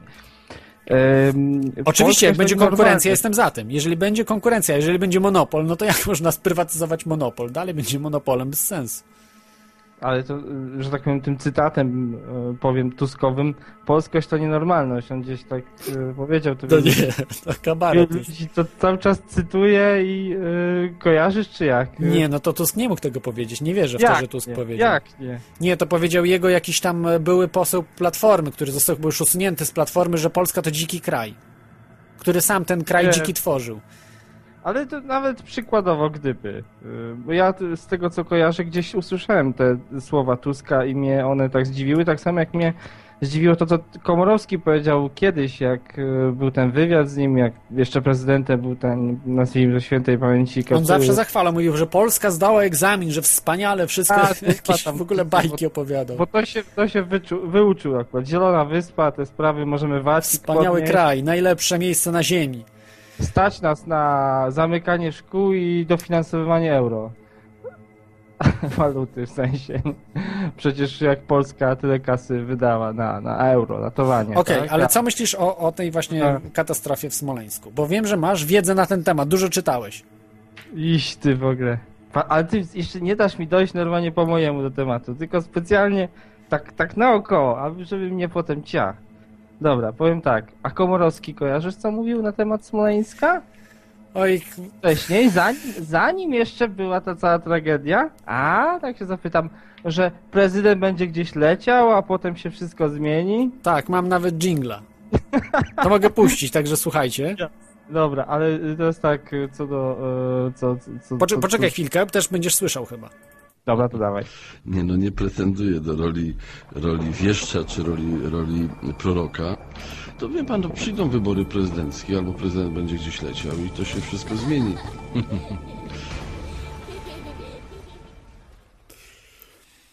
No, śmieszne to było, ale wiesz, w jakim kontekście to mówił? E, on różne rzeczy głupkowate mówił i no nie wiem, nie chce mi się wierzyć, że on miał wiedzę o zamachu planowanym.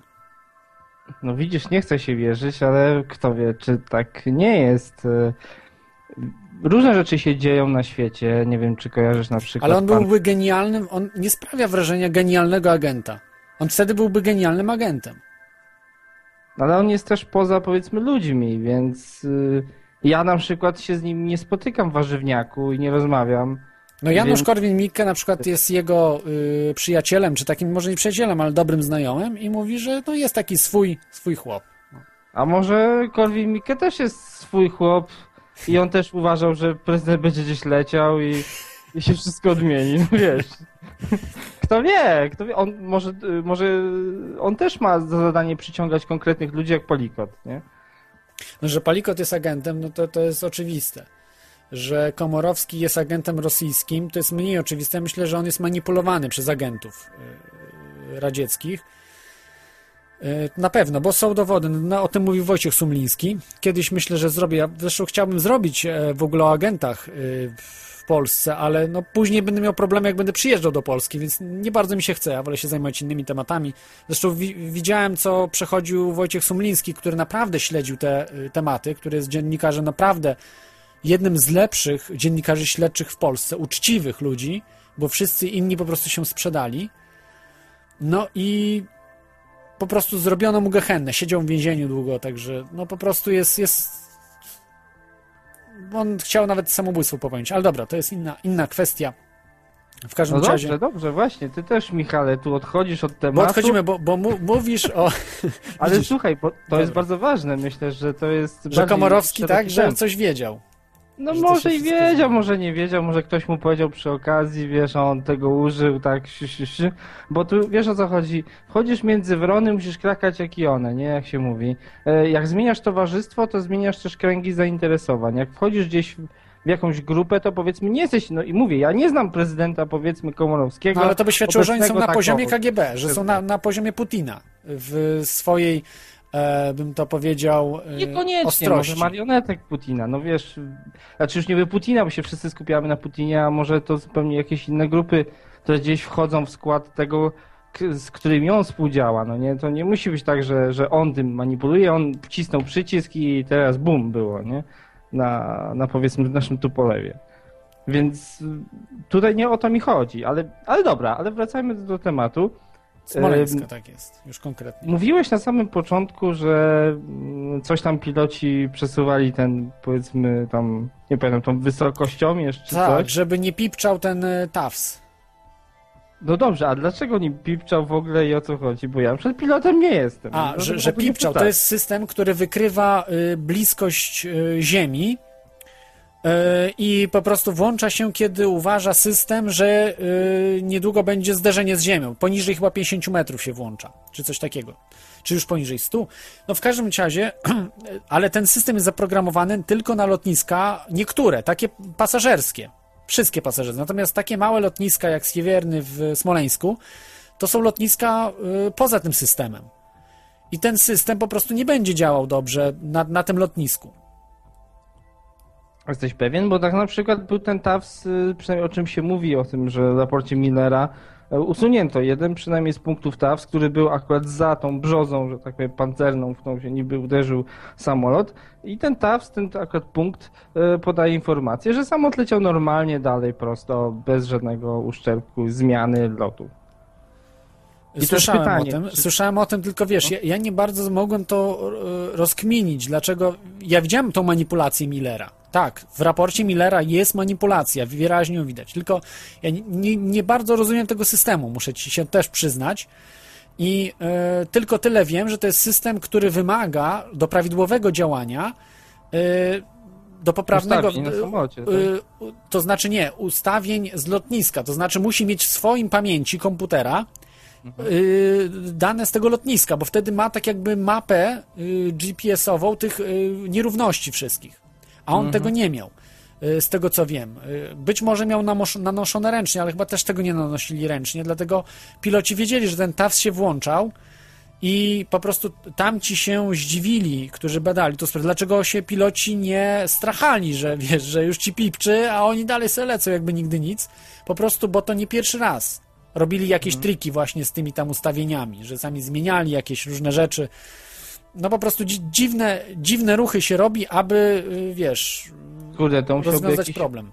jakiś pilot tutaj, że tak powiem, zadzwonić i wtedy powiedzieć, jak to jest tym TAWS-em, Będzie, bo... będzie, będzie, bo- obiecuję was jako gość, bo będę właśnie od Smoleńska gość, dlatego dzisiaj właśnie nie chcę wchodzić w jakieś szczegóły, bo ja głupoty powiem, potem się ktoś będzie śmiał, bo po prostu nie miałem też czasu, żeby wszystko prześledzić, jak to jest. Ja i tak sporo czytałem o tym Smoleńsku, dowiadywałem się, ale, ale no nie mam aż tyle czasu, żeby prześledzić dokładnie, jak ten system TAW działa, bo to mi nie jest do niczego potrzebne, tak? Ja wolę na Wiesz- przykład sobie prześledzić, Mhm. jak UFO lata, tak? To są ciekawsze rzeczy, które, Tak, które ja, można ja w przyszłości wykorzystać, ale, ale dobrze, no to... Yy, rozumiem Michale, bo to jest troszeczkę tak, wiesz, z tym TAWS-em, jakby ludzie, nie wiem, odcinali sobie pasy bezpieczeństwa nożem, żeby tylko i wyłącznie im nie pipczał w aucie, nie wiem, że jadą, albo nie wiem, płyn hamulcowy usuwali, żeby im kontrolka nie świeciła. Tak, bo, bo ten TAWS, on, on i tak wykrywa poprzez, poprzez wskaźniki czy coś, on wykrywa ci chyba tą, wiesz, ziemia, że jest blisko. I, i pipczy, tylko że po prostu nie zawsze prawidłowo. Rozumiesz, że czasami po prostu zbyt jest wrażliwy. Że, że działa, na przykład jesteś na 200 czy tam 150 metrach i on ci pipczy, chociaż nie powinien. Y, Ale po prostu, że, jak, Mhm. Ja rozumiem, że może też chodzi. pipczeć potem, jak już jesteś nisko, to i tak będzie pipczał. Więc, Ja rozumiem, że y, mogą być jakieś błędy, gdzieś były jakieś ustawienia złe, ktoś źle coś ustawiał i potem oni na wszelki wypadek go przestawiali, bo wiedzą, że jest źle ustawiony. No tak, przykład. no i to, to ich po prostu też być może zgubiło. y, takie- Może, takie a może, właśnie- może odwrotnie, no bo też po co taki, taka komisja Millera miałaby ten TAWS usuwać, mogli powiedzieć mnie dobrze, sorry, ale one są źle ustawione. No, to świadczy za zamachem. To znaczy, to świadczy za zamachem, że, że są pewne rzeczy niedopowiedziane, że być może to wcale nie brzoza y, rozwaliła samolot. Mhm. No dobrze, y, to tak, to te TAWS i te punkty, to każdy mógłby sobie też poszukać, bo jest na przykład filmik na YouTubie, co ukryto w raporcie Millera. Każdy może sobie wpisać, poszukać i poprzeglądać. Ale dobra, teraz wracając dalej jakby do tego tematu. Co do tych Rosjan, to co oni mają, bo oni mają cały czas czarne skrzynki. Oni na początku rzucili hasło, że przecież ten mały miał tam im e, wpływać na nich, miały być naciski, miało się coś dziać, a do dzisiaj jednak tego nie udowodniono w tych skrzynkach. Ja na przykład do tego byś podszedł. Wiesz o co mi chodzi tak No, naprawdę. Że mamy naciski, kopię, tak? Że mamy kopię, kopię nagrań. Że, żeby No, po prostu oni nam mamy. przysłali, tak? Te skrzynki, y, czarne skrzynki, tak? Żebyśmy... Ale, ale cho- chodzi jakby o to, co Rosjanie na samym początku powiedzieli, że były naciski, tak jak z World Trade Center czy gdzieś, że zawsze to od razu Bin Laden i ten, nie? W pierwszych pięciu minutach. Tak samo tu były naciski ze strony tam jakichś najwyższych osób w państwie, tego na lądowanie koniecznie tu. Było tak i tak, a potem się okazuje, że czarne skrzynki nie potwierdzają tego w ogóle, ani konkretnych słów wypowiedzianych, które Rosjanie na początku rzucili, ani tego, że tak naprawdę... Że, że pijani byli, tak? Bo on też tam sugerował, że, że, że, że pili. No, no, były jakieś tam sugestie, że, że był Błasik, tak, w tym, że tam generał był właśnie w środku i tam strofował tych pilotów. Takie rzecz, rzecz, rzeczy Rosjanie też chyba mówili. Ale y, no, później, nie- później większość się nie potwierdziła tych rzeczy faktycznie, ale to bardziej Palikot chyba, on tam mieszał bardzo jako agent globalistów, bo Palikot nie jest agentem radzieckim. Umówmy się. Palikot jest agentem globalistycznym. Globalistów. Mhm. Dużo, dużo gorszego badziewia, które chce po prostu. y, A czekaj, a właśnie a propos e, globalistów, powiedz mi, czy wiesz o tym, e, jacy na przykład Rosjanie, czy tam z grup tych powiedzmy rosyjskich są tam powiedzmy na tym Bilderbergu i tak dalej, czy nie? Właśnie oni bardziej się stowarzyszają, z tego co wiem, bardziej się stowarzyszają z. E, nie wiem, No. czy z kimś się stowarzyszają, ale z tego co wiem, to, to nie, nie spotykali się. Ja tam nie wiem, nie, nie widziałem na Bilderbergu ani, ani y, Mediedwiewa, ani, ani y, w- Władimira Putina. Nie Może widziałem ich. ludzie są od niego, ale nie wiadomo, nie? Być może, być może są, ale wiesz, y, Blair na przykład był, tak? Bush jakiś tam był. Tak, tak, tak, tak, więc, ale więc ci ludzie tacy ze Stanów Zjednoczonych, oni tam, tam jeżdżą. właśnie się zastanawiam, może to jest jakaś powiedzmy druga siła rzeczywiście też tej No, grupy. Chin, Chiny, wiem, że Chiny, Japonia, ale, ale czy Rosja z nimi współpracuje, to nie, nie jestem pewien do końca, bo y, oni się tam z Chińczykami chyba za bardzo nie lubią, tak samo z Japonią, bo też tak średnio. Ale być może y, właśnie w tamtym rejonie azjatyckim y, Rosjanie się gdzieś tam ustawiają. Ja Znaczy, myślę, że Rosja jest bardzo słaba w tym momencie. Rosja jest naprawdę bardzo słaba i się nie stowarzyszają, bo są po prostu słabi. Więc... No ale z drugiej strony też mi się podoba to, że jednak jakoś tam dbają o te powiedzmy swoje, swoje sprawy, bo mm, to tak wygląda trochę jak taki rozłam, nie? Rzeczywiście, tak samo jak CIA stworzyła przecież Al-Kaidę i tak dalej, jako ruch oporu swego rodzaju przed ruskimi na tych terenach kiedyś, nie? I wielu ludzi o tym do tej pory też nie wie albo nie pamięta, no bo już nikt nie przypomina o tym w telewizji, kiedy jest mowa o World Trade Center i tak dalej, że to CIA stworzyło, albo że na przykład Osama Bin Ladena szukali tyle lat po jaskiniach, a on siedział w domu, dlatego go nie Nie, no znaleźli. to, to przecież absurdy były. To, to, że pokazali go ten... sobie grał i nie I po, potem jeszcze klapki zostały, tak? Pokazane, że tam klapki wypłynęły po Ale Bin Ladenie, bo go od razu ciało do... To, to przecież dla dzieci y, było przedstawienie. Ale co dobra. zrobić? Ale tak, mówimy dzisiaj o Smoleńsku. Może yy, będzie A tak, specjalista a od 9.11, tak, że będzie specjalista, Hmm. e, więc w tym roku będzie zaproszony, więc naprawdę, No to naprawdę będzie fa- fajna, fajna audycja. Natomiast dzisiaj mówimy o yy, Dobrze, katastrofie Michała, Tupolewa. Powiedz mi jeszcze, bo pojawiły się różne wątki. Nawet takie ciekawe informacje na temat tego, że na przykład w telewizji nie było nigdzie informacji, czy też filmów z tego, jak e, cała ta brygada, powiedzmy nasza, e, startowała i wylatywała e, gdzieś z Okręcia, czy skąd oni tam lecieli, i lecieli do tego Smoleńska. I nawet powstał taki pomysł na to, że w ogóle samolot z pasażerami nie wystartował z Polski, tylko oni zostali gdzieś porwani i tak dalej. Osobno samolot został tam dowieziony, czy tam doleciał i on został rozwalony osobno, a potem ciała na przykład podrzucone już po torturowaniu i po tam zabiciu na przykład. Nie, no to jest absurdalne. To, to, to jest e, dezinformacja, według mnie kompletna. E, Bo są świadkowie, którzy widzieli po prostu te ciała wcześniej, także mnóstwo jest tych świadków. Są Rosjanie, no nie da się wszystkiego zrobić. Ciała, ale ciała, ale jeżeli chodzi o wylot na przykład... No ale e, ile mieliby czasu, żeby podrzucić te ciała? Nie, dobrze, to, to jest, to jest przecież Nie, to jest, wiesz, no, to już tam dowieść i...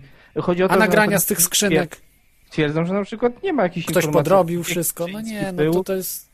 Bo wiesz, bo on, Kaczyński najpierw był, gdzie on tam był? Na jakiejś wizycie, nie pamiętam, gdzie to, w Gruzji, czy gdzie tam do niego strzelali niby. E, On wiele później- razy był w Gruzji. Nie wiem, gdzie to było, już nie pamiętam, bo wiem ci, nie sprawdziłem dokładnie tych informacji, tylko tak rzucam, że dzień, dwa wcześniej był na innej wizycie gdzieś za granicą i nie ma dokładnych informacji o tym, że w ogóle wrócił, a potem on miał lecieć. Nie ma nigdzie informacji o tym, że w ogóle wylecieli ci wszyscy ludzie, ale potem jest tylko to, że się rozbił samolot i już, nie? Nie ma, nie ma pośrednich informacji za bardzo, nie ma w mediach, nie ma nigdzie filmików z tym, nie ma do, do czego się odwołać. I teraz jest takie, takie powstały nawet teorie, że w ogóle nigdzie nie, nie polecieli, tylko zostali od razu przez służby gdzieś pojmani czy, czy, czy przewiezieni, nie? Jakbyś się do tego odniósł, no ja wiem, że tak powiedziałeś, że to bzdura jest i w ogóle jakaś manipulacja, ale też taki ciekawy wątek, nie? Bo jak, jak zaczniesz grzebać, to okazuje się, że rzeczywiście nie ma tego pewnego fragmentu z życia, powiedzmy, nie? No nie, no. Je, są świadkowie, że yy, wiesz, dokładnie ci ludzie weszli do tego samolotu, no są rodziny i którzy to widzieli, no nie przesadzajmy, no to jest, wiesz, to, to, to już jest po prostu, idzie gdzieś za daleko, to po prostu idzie jako dezinformacja. Ja też mogę podać, yy, o, myślę, dobrze, bo sobie przypomnę, żeby podać dezinformację. Yy, Ten pan mnie chyba, pan dziennikarz mnie chyba znienawidzi, ale jakby chciał, to mógłby wystąpić, się obronić trochę. Mhm. Pan Leszek Szymowski, ale wiem, że on zawsze kasę chce, więc nie wystąpi tutaj, bo, bo on powie, a, a kasa będzie za wystąpienie? No niestety, audycja jest niekomercyjna, dokładam do niej, więc jak jeszcze panu zapłacę, to będę więcej do tyłu. No to nie wystąpi. Leszek Szymowski napisał taką książkę Zamach w Smoleńsku. I on idzie właśnie tym tropem, którym, który ty podałeś, czyli że co prawda poleciał samolot i tak dalej, ale wylądował, ale później bomba wybuchła. To znaczy, że on wylądował cały w, w, tej, w tej dżungli tam tej smoleńskiej i później po prostu zostały zdetonowane bomby wybuch. E, niby jakieś zdjęcia miał od kogoś tam, od jakiegoś tam Amerykanów, coś tam, od jakiejś tam y, satelitarne i tak dalej. I zaczął opisywać już jakieś niestworzone historie i tak dalej, które później się nie potwierdziły kompletnie. On się potem też wycofał z tej książki. Tą książkę napisał właśnie 10, wydał 10 kwietnia 2011 roku, wiesz, tak, y, w, w dwa lata temu. Em, I okazuje się, że ten pan, y, dziennikarz, znany dziennikarz, bardzo inteligentny facet, y, wyda, wydawało mi się kiedyś, że o libertariańskich poglądach okazał się agentem służb specjalnych. No i niestety. Słucham? Skąd te informacje, że okazał No się... wiesz, ja mam. y, W internecie jest mnóstwo informacji i ja po prostu łączę z różnych y, działek informacji. I ten człowiek jest dziennikarzem, ale niestety y, wydawało mi się wcześniej, że ma jakichś informatorów w służbach specjalnych. Ale z tego, co doszedłem właśnie, on pracował tak we Wproście, w Najwyższym Czasie, w Angorze, pisał i chyba pisze artykuły różne. Y, Później przyjrzałem się tej osobie. Ja po prostu mam jakieś takie doświadczenie w rozpoznawaniu agentów. Może to śmiesznie zabrzmi, ale po prostu czuć to od, od tego człowieka. I zawsze czułem, że coś nie tak z nim jest. Pamiętam 5 lat temu, jak nawet go widziałem w telewizji gdzieś. Bo on występował też w telewizji Superstacji, o. W Superstacji kiedyś, teraz już go nie zapraszali, kiedyś go zapraszali. I pamiętam, jak go widziałem właśnie tego Leszka Szymowskiego. Coś mi nie pasowało w nim, że kurczę, on wygląda tak... Mam też takiego znajomego, który jest też... Yy, też... Yy, Agentem. tak. Tak, ale, ale nie wiem dokładnie kogo, jakich tam służb, ale jakichś polskich służb jest. Nie wiem, czy wiecie, że tu na emigracji jest mnóstwo agentów, którzy donoszą, prawda, na różne, różne osoby. Ale bardzo łatwo ich rozpoznać, nie? Dosyć łatwo i ja się z daleka od takich ludzi trzymam. Yy, Więc, więc właśnie ten pan Leszek Szymowski jest ta, taką osobą. Mówisz, E, że agentów Tomków jest ci u nas dostatek. Tak, tak, agentów Tomków, tylko że wiesz, agent Tomek nie jest dziennikarzem. Natomiast jak ktoś jest dziennikarzem i jest agentem, to dla mnie jest największą szumowiną. Ale to CIA głównie takich chyba stawiało zawsze, że tam gdzie jest, powiedzmy ludzie są z wiadomości, tam jest najwięcej informacji, więc tam najlepiej mieć właśnie agentów. No ale, ale przecież no wiadomości, ale mówisz o amerykańskich, polskich, no CIA raczej Ogólnie, mówię o Amerykańskich. przynajmniej o tym, jak się poczyta jakieś rzeczy związane z tym, albo jakieś te, nazwijmy to, spowiedzi tych agentów, to, to właśnie główny jest nacisk na to, żeby to byli jacyś dziennikarze albo ludzie tacy związani z mediami, gdzie mogą i z jednej strony sprzedać jakąś informację, a z drugiej strony są wciąż przy ludziach, którzy poszukują ich. Nie? No Tych tak, ale, ale ja nie mówię o takich, którzy gdzieś współpracują w jakiś sposób, żeby informacje uzyskać, tylko takich, którzy wykonują zalecenia, czyli na przykład ta książka, to była czysta dezinformacja, aby ośmieszyć ruch ludzi, którzy uważają, że mógł być zamach.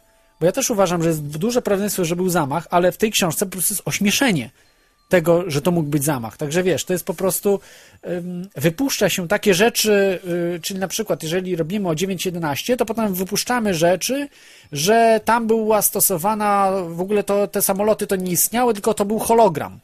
Że hologram uderzył i takie broń la, laserowa, wiesz, uderzyła UFO, tam podleciało z laseru, laserem podgrzało po prostu te, te budynki WTC Tak, tak, i i, i one wyparowały. Wiesz, no, można dochodzić do wielkich absurdów i tak samo tutaj, no, Leszek Szymowski pisze właśnie na tym poziomie książkę, no, tam nie ma na szczęście UFO w tej książce, bo to już by, ale wiesz, z drugiej strony y, też agenci w Stanach mogą UFO wrzucić, bo jest to niesamowicie popularny temat, ale w Polsce UFO nie mogą wrzucić, bo to ośmiesza w Polsce. Akurat w Polsce ośmiesza temat. Więc, więc służby specjalne musiały dać tylko jakichś tam sobowtórów, jakiś, wiesz, właśnie y, samolot, który wylądował, potem właśnie zabijano, dobijano strzałami ludzi i tak dalej, i tak dalej, wiesz, jakieś tam absurdy były. Ekipa cała, która dobijała i oczywiście, że to Rosjanie zrobili, tak, czy, czy coś, jakieś z, zupełnie, że to absolutnie nie, nie polskie służby. Po, znaczy w ogóle nawet nie pisał czegoś takiego, że to polskie służby mogły podłożyć ładunki, tylko absolutnie Rosjanie to wszystko zrobili. Więc, e, więc wiesz, dezinformacja tego- jest tu nawet w Smoleńsku. A co tego dobijania i tak dalej, to przyznam, że jednak są jakieś filmiki, które coś tam pokazują. Ale zaraz, czy ktoś strzela do góry? Kto y, wie, Strzela, bo, że, żeby po prostu nie podchodzić. Wiesz, że coś się stało, bo, bo na przykład szabrownicy mogli podchodzić, którzy zegar... No przecież Ruscy są znani, że zegarki będą nawet zdejmowali ludziom, nie? Yy, że trzy no zegarki mamy na ręku mają. poglądy, Na jednym zegarku Europony. zegarki, na drugim ręku zegarki, wiesz, tak jak było, prawda, w czasie II wojny światowej, więc, więc być może chronili po prostu przed szabrownikami. Nie wiem, Tak. nie wiem dokładnie jak było, nie ma, nie widziałem ani jednego filmu, gdzie dobijano, yy, no widziałem, że ludzie się jacyś tam kręcili, prawda, na, na tym, tacy w pomarańczowych ko- tych Znaczy, kurtkach. wiesz, no ale Michał, nie, nie spodziewaj się, że zostaniesz taki filmik, jak pamiętam kiedyś jakiś gościu, nie pamiętam z jakiej to gazety typu właśnie National Geographic czy co, że jak mieli rozstrzelać więźnia i on miał zrobić zdjęcie, to powiedział, żeby wyszli na zewnątrz, bo kiepskie światło jest. No to wiesz, to sorry, no takich się zdjęć czy nagrań nie spodziewaj, kojarzę nie tą jasne, sytuację. jasne, ale jest jedna rzecz, która się nie zgadza. Jaki sens y, dobijać y, strza- strzałami, jeśli, y, jeśli to by wyszło w sekcji zwłok? No ale przecież zwłok jest po stronie rosyjskiej robiona, a nie No polskiej. dobrze, ale to coraz więcej ludzi bierze udział w spisku i w końcu ktoś zacznie Jasne, sypać. a do do A nikt nie sypał, przecież- a nikt nie sypał. A do tej pory mamy przecież jednak y, te wszystkie, no wiesz, smutni panowie przyjdą, powiedzą, powiecie coś, no to wam też się No, w JFK też tak zdarzy. było, ale sypali, pomimo, że ginęli później, ale Ale sypali. rodzina później też jednak powiedziała, że oni nie chcą ten temat rozmawiać, jak im jeszcze drugi syn y, padł, tak? No to wiesz, nie już, wiem, już nie, nie wiem. Na pewno ktoś by, ktoś by po prostu zaczął ujawniać, nawet wrzucił do sieci jakieś rzeczy, wiesz, anonimowo. To co za problem? Albo po prostu dogadać się z jakąś, jakąś gazetą, żeby kasę dostać za to, za taką informację. Przecież Gazeta Polska sama by zapłaciła pewnie z milion dolarów za taką No ale jak informację. oni, ale jeżeli agenci są też w Gazecie Polskiej i w innych gazetach, bo przecież przy Nie, no nie, nie, wiem, wiem, do poziom absurdu może być olbrzymi, ale, ale ja to odrzucam. Ja to odrzucam, to jest strzelanie do, do, do ludzi, dobijanie. Y, Ja uważam, że faktycznie, bo to jest nieprawdopodobne. Ja tu mam zapisane, wiesz, katastrofy. Mam zapisaną katastrofę y, na przykład Boeinga 737 z 2009 roku w Amsterdamie. Zginęło 9 osób na 135 i była bardzo, no, salutki samolot jest, a tak samo po lesie, w lesie po prostu, y, no, uderzył też o drzewa, w lesie po prostu mm, ląd, znaczy lądował, no, trudno nazwać lądowaniem, ale po prostu była katastrofa w lesie. I y, natomiast obok też mam taką e, informację, tutaj mam obok informację o e, roku 1988, e, katastrofa pod Lockerbie, a właściwie nie katastrofa, tylko już wiemy w 100%, że to był zamach. Jego szczątki właśnie przypominały Tu-154. E, Spadł, tu, tylko tak, Tu-154 spadł z kilkudziesięciu powiedzmy metrów, natomiast wrak ten amerykańskiego Boeinga, który w dzie- w 1988 y, spadł po detonacji bomby, spadł z, z 9000 metrów. I szczątki były podobne, czyli po prostu potężna bomba musiała być na pokładzie Tu-154. Y, I faktycznie, w tym Lockerbie to jeszcze jest ważna rzecz. Dlaczego to mógł być zamach? E, absolutnie nie zrobiono analizy wraku. Absolutnie. Nie, nie było czegoś takiego.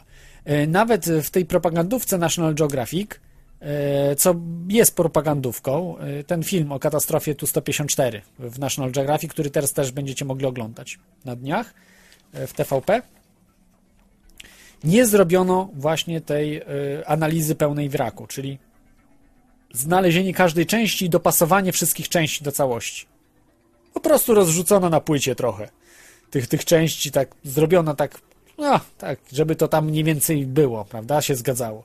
Natomiast w tym Lockerbie właśnie znaleziono centymetrowy fragment bomby znaleziono po prostu.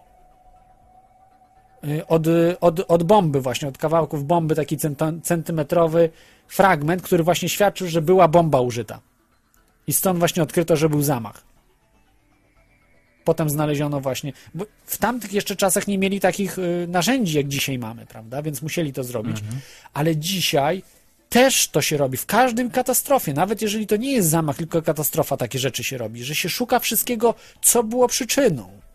Tego nie zrobiono. Także to świadczy o tym, że faktycznie mógł Oczywiście. być zamach. Rosjanie Oczywiście. mogli to zrobić potajemnie, gdzieś tam. Y, Mogli znaleźć, bo jak tam byli pierwsi, na pewno znaleźli ślady, że jeżeli był to zamach, że był zamach, odkryli to, to, co mówiłem zawsze, już dwa lata temu mówiłem i dzisiaj to samo, że po prostu odkryli Rosjanie, że był to zamach, wiedzieli, że to nie oni zrobili, więc musieli ukryć, żeby po prostu na nich nie było. No też tak można, no bo ciężko byłoby u- Udowodnić im, że to nie są akurat nie oni, a z drugiej strony, że to są jacyś globaliści, prawda? No, no bo w globalistów nikt nie wierzy, nie ma żadnych globalistów. Więc... Ale tu też przypomnę, y, bo warto przypomnieć tą katastrofę tu 154M na lotnisku Domodjewo w Moskwie, no nie? To była całkiem nie tak dawno. Jeszcze jakoś marzec czy coś. Ale tego tam też, też chyba większość przeżyła, tak? Z tego co... Ale patrz, no dwie osoby zginęły, e, 83 ranne, a ponad powiedzmy 80 osób nie odniosło żadnych większych obrażeń. No ale to była podobna katastrofa, czy... To znaczy tam właśnie- silniki nawaliły, tam znacznie większej wysokości samolot spadał. Najpierw jeden silnik nawalił, potem drugi, potem trzeci, wiesz. No I ale, ale jak leci... las w wpadli. las, tak? Mhm. Tak, tak. I, I mimo to samolot się rozbił na trzy części, a nie tak jak u nas w Smoleńsku, że się rozwalił na setki kawałków dookoła. No to było, to było absurdalne dosyć. No, no, to po prostu ten wrak, jak od razu zobaczyłem, to nie chciałem uwierzyć, że to mogła być e, katastrofa. E, Taka zwykła e, po prostu. Że, że wyglądało to, że musiał być jakiś wybuch. Mhm. A jeszcze odnośnie wybuchu i trotylu. e, Czy też się interesowałeś tymi zagadnieniami, co tam się działo mniej więcej, powiedzmy, jakie są informacje na ten temat? No tylko tyle, że wykryto po prostu e, trotyl. Firma z Polski do, dostarczyła y, czujniki takie odpowiednie i y, są to bardzo czułe rzeczy, bardzo dobre, bardzo y, odróżniające różne substancje i y, i jak wykryją trotyl, to jest tam po prostu ten trotyl, czyli gdzieś ten trotyl był. Ale no jeżeli to była bomba termobaryczna, tak to się tak nazywa chyba, czy pali, paliwowo-baryczna, to tam chyba trotylu się nie używa w tej bombie, także trudno powiedzieć właśnie, jest to takie zamieszane, bo trotyl to dosyć stara już broń, no i nie wiem, No, wiem, wiem, wiem o co ci chodzi. No, Tak, ciężka sprawa, co to mogło być na dobrą sprawę, ale wiele wskazuje na to, że to jakiś ładunek był, coś wybuchło. Mm, Tylko ciężko jest dojść do tego, co. Rzeczywiście na przykład czujniki wykryły ładunki wybuchowe i wiele wskazuje na to, że one rzeczywiście tam były, tak? Przynajmniej specjaliści się wypowiadają na ten temat, że jeżeli te dane czujniki są bardzo drogie, bardzo czułe, to nie ma tak, że ktoś im tam powiedzmy psiknie czymś po czujniku, czy one nie wykryją czegoś, albo wykryją czegoś, czego nie było, tylko wykrywają to, co było, no nie? Jakby ktoś, nie wiem, z tych badających nawet miał coś, nie wiem, na, na sobie, z, akurat z, ładunków wybuchowych, to by to zostało wykryte, no nie? I tu jest taka sytuacja, że najprawdopodobniej coś takiego tam było, miało miejsce, doszło do jakiegoś na przykład wybuchu, tylko że na przykład niektórzy się czepiają, po co ktoś miałby tak naprawdę wysadzać taki samolot, takiego, nie wiem, y, y, Kaczyńskiego i resztę tak zwanych pasi brzuchów. To jest ważne, bo uważam, że tak się skupiamy, wiadomo, na tym, co jest ważne, czyli że kto y, był odpowiedzialny za całą katastrofę lub zamach. Czy to był zamach w końcu, czy katastrofa? Ja jestem za tym, że był zamach. Y, Ja się skłaniam, że też. Jednak po tych dwóch latach y, od 2011, gdzie nie byłem pewny zupełnie, czy był zamach, czy nie, już widać, po, mm, czyli w 2013 roku, że prawdopodobnie był to zamach, tylko nie jak, jak to sugeruje Leszek Szymowski, że to tam w ogóle no zupełnie jak, jakoś, jakoś jakieś absurdalne rzeczy, y, które, które sugerował y, z dobijaniem rannych pistoletami. Tylko po prostu wydaje mi się, że było kilka wybuchów, tak jak to mówią specjaliści. E, Kilka wybuchów, które były detonowane, aby na przykład skrzydło rozwalić, e, aby właśnie wtedy spowodowałoby to odwrócenie samolotu, później jeszcze drugie, drugi wybuch dokończyć całą robotę. E, Trudno powiedzieć. Jeszcze po prostu będą, myślę, y, będą goście, specjaliści i ich będzie można się wypytać. Dlatego im będę konkretne pytania zadawał e, i wtedy oni będą mieli szansę y, no, udowodnić tezy, czy po prostu powiedzieć, poinformować nas o różnych, te, różnych tezach, które, które mogły być. Ja tu mam taką zapisaną. Zapisane oczywiście, mam dużo rzeczy jeszcze, śmierci tych ludzi, o których też jeszcze zaraz przeczytam. No najpierw te śmierci, a y, dlaczego zamach, 10 dowodów na zamach, to, to trzymam, ale to na koniec będzie, na koniec. Y, Mam te osoby, y, które poniosły śmierć w różnych momentach, też związane w jakiś sposób ze Smoleńskiem. No i mam tu jeszcze taką jedną katastrofę zapisaną, Tu-134 w Kirgistanie. Właśnie podobny przebieg był, jak Tu-154M, tylko że to mniejszy samolot jest, mniejszy, chyba bezpieczniejszy przez to i e, wszyscy przeżyli e, właśnie w Kirgistanie. Także, no, ale z tego co pamiętam, to był też taka katastrofa, że tylko, że to w górach chyba było, e, gdzie jednak też sporo zginęło osób, też prawie wszyscy, chyba tam 8 tylko przeżyło. Tylko też chyba to nie był tu 154 i to bardziej chyba w górach było. No to w górach wiadomo, że ciężej jest, nie? No ale i to chyba nie był Kirgistan, tylko Kazachstan bardziej. E, Z tego co pamiętam. Mhm. No ale dobrze, zanim jeszcze oczywiście poruszysz te, te kwestie i wyczytasz, jakie osoby zginęły, jakie są, z czym są powiązane, bo ja oczywiście też nie chcę przez całą audycję przeszkadzać, bo inni przecież pewnie też będą chcieli zadzwonić, to chciałem jakby odnieść się do tej kwestii, którą poruszyłem. Tego, że wielu ludzi mm, ma do Smoleńska takie negatywne nastawienie z góry. Bo to jest kwestia polityczna. Bo To jest, ja uważam, że to jest zginęło. kwestia mediów. Media po prostu, y, jak to jeden określił No to tak, ja y, człowiek, że po prostu, y, jak to mówi, mózgi wam rolują, czy jak to określił u Pospieszalskiego w programie raz, że, że wam świdrują mózgi po prostu media. I faktycznie media po prostu robią wodę ludziom z mózgu. I w tej chwili ludzie nie myślą, tylko po prostu myślą to, co im media mówią. Jest to, jest, to od razu straszne, to jest przerażające. Mamy w tej chwili y, wielkie połacie zombie, kompletnych zombie, którzy nie myślą. Ludzi bezmyślnych, którzy wykonują tylko pracę, którą mają robić. Po prostu globaliści się cieszą właśnie. Globaliści chcą mieć zombie. Ludzi, którzy tylko powtarzają informacje z mediów, które usłyszą. Którzy nie analizują rzeczy, którzy nie czytają, którzy mają małe pojęcie o świecie y, i którzy dobrze czy przeciętnie dobrze wykonują swoją pracę. Nie muszą być nawet kreatywni w tej pracy, absolutnie. Robią od A do Z to, co im globaliści każą. I jest wszystko ok.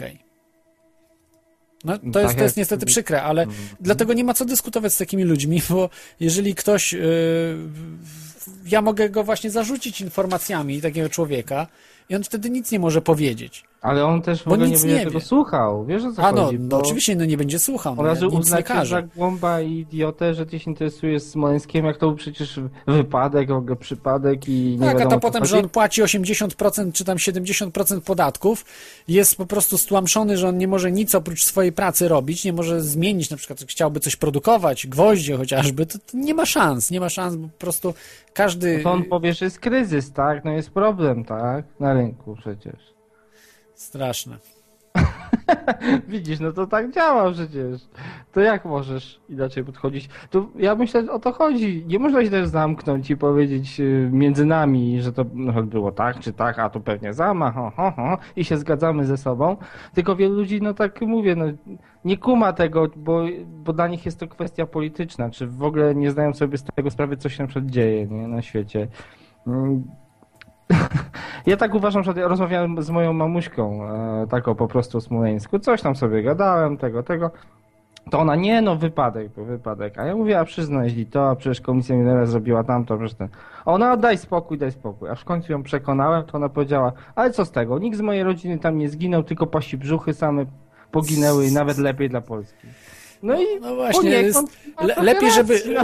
lepiej, żeby KGB tu ro, ruskie weszły do Polski i zarządzały Polską. To ja gwarantuję, że będzie taka bieda, że kamień na kamieniu nie zostanie. Także jednak y, lepszy jest Zachód i brać jednak wzorce z Zachodu, a nie gdzie Zachód, Izrael na przykład też do Zachodu należy, e, czy Kanada na przykład, jeżeli się zdarzy wypadek, właśnie tak jak tutaj e, w przypadku e, w Rosji się zdarzył, to e, kraje poważne po prostu jadą tam z ekipą od razu i zabierają ten wrak.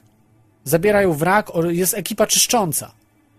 Ale u nas mówię, no rzeczywiście, u nas jest takie pewne, taki marazm jakiś, te, te chochoły, wszyscy ludzie to, takie chochoły. Boją się wszystkiego, nie wiadomo czego się boją. Ruskich się boją.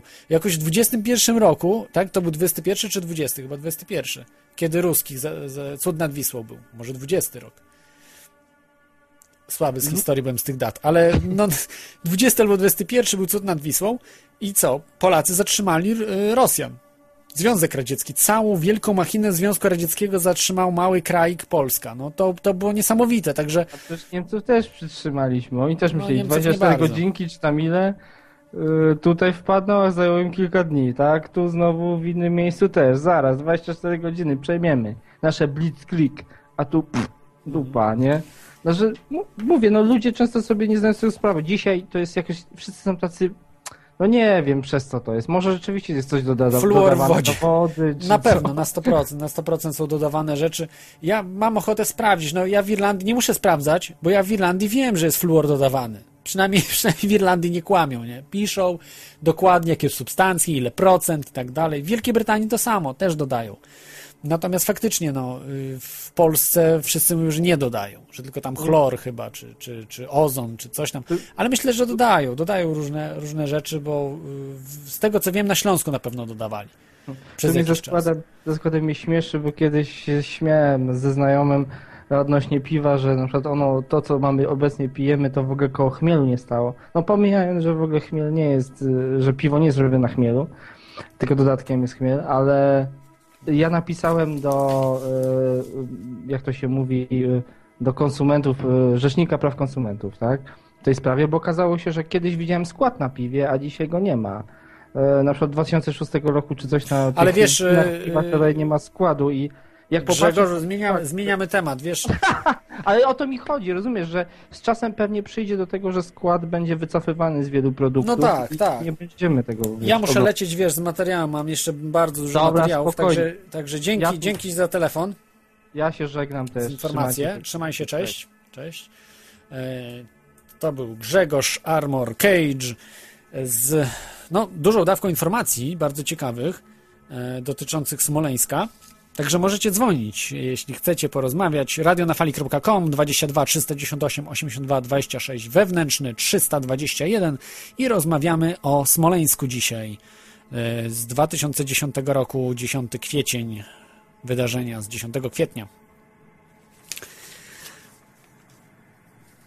Także o tych y, katastrofach, które wydarzyły się, a jednak ludzie przeżyli, e, zbliżonych do y, tej, która była w z Tupolewa, e, to teraz przejdę do osób, które były, no, zginęły e, za Smoleńsk. No, żartuję, że za Smoleńsk, ale były gdzieś powiązane ze Smoleńskiem e, w jakiś sposób. E,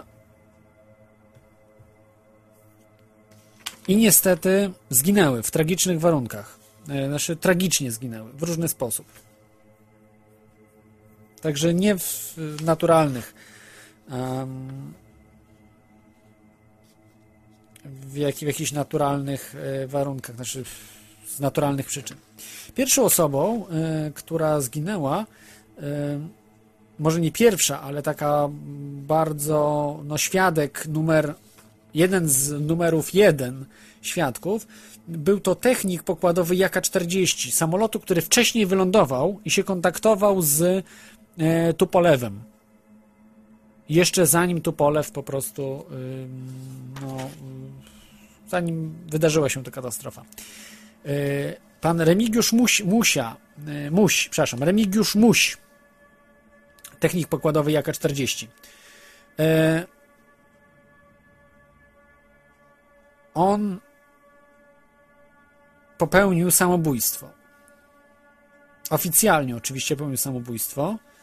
E, Także stwierdzał, że mm, kontroler z wieży rosyjskiego lotniska zezwolił załodze polskiego samolotu na lądowanie. E, Ostrzegł także mm, on ostrzegł także załogę Tu-154 gęstej mgle. E,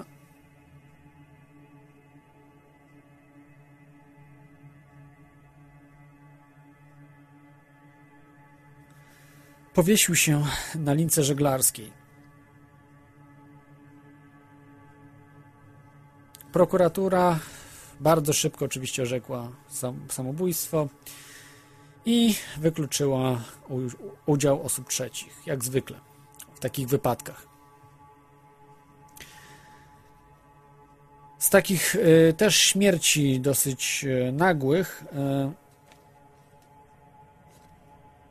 6 czerwca 2010 roku w wypadku samochodowym w trakcie oczekiwania na wyjazd do Smoleńska zginął profesor Marek Dulinicz, szef grupy archeologicznej, który miał właśnie badać szczątki yy, i odkrywać szczątki samolotu Tupolew, które w tym lesie, no i badać te szczątki, które już zostały wykopane.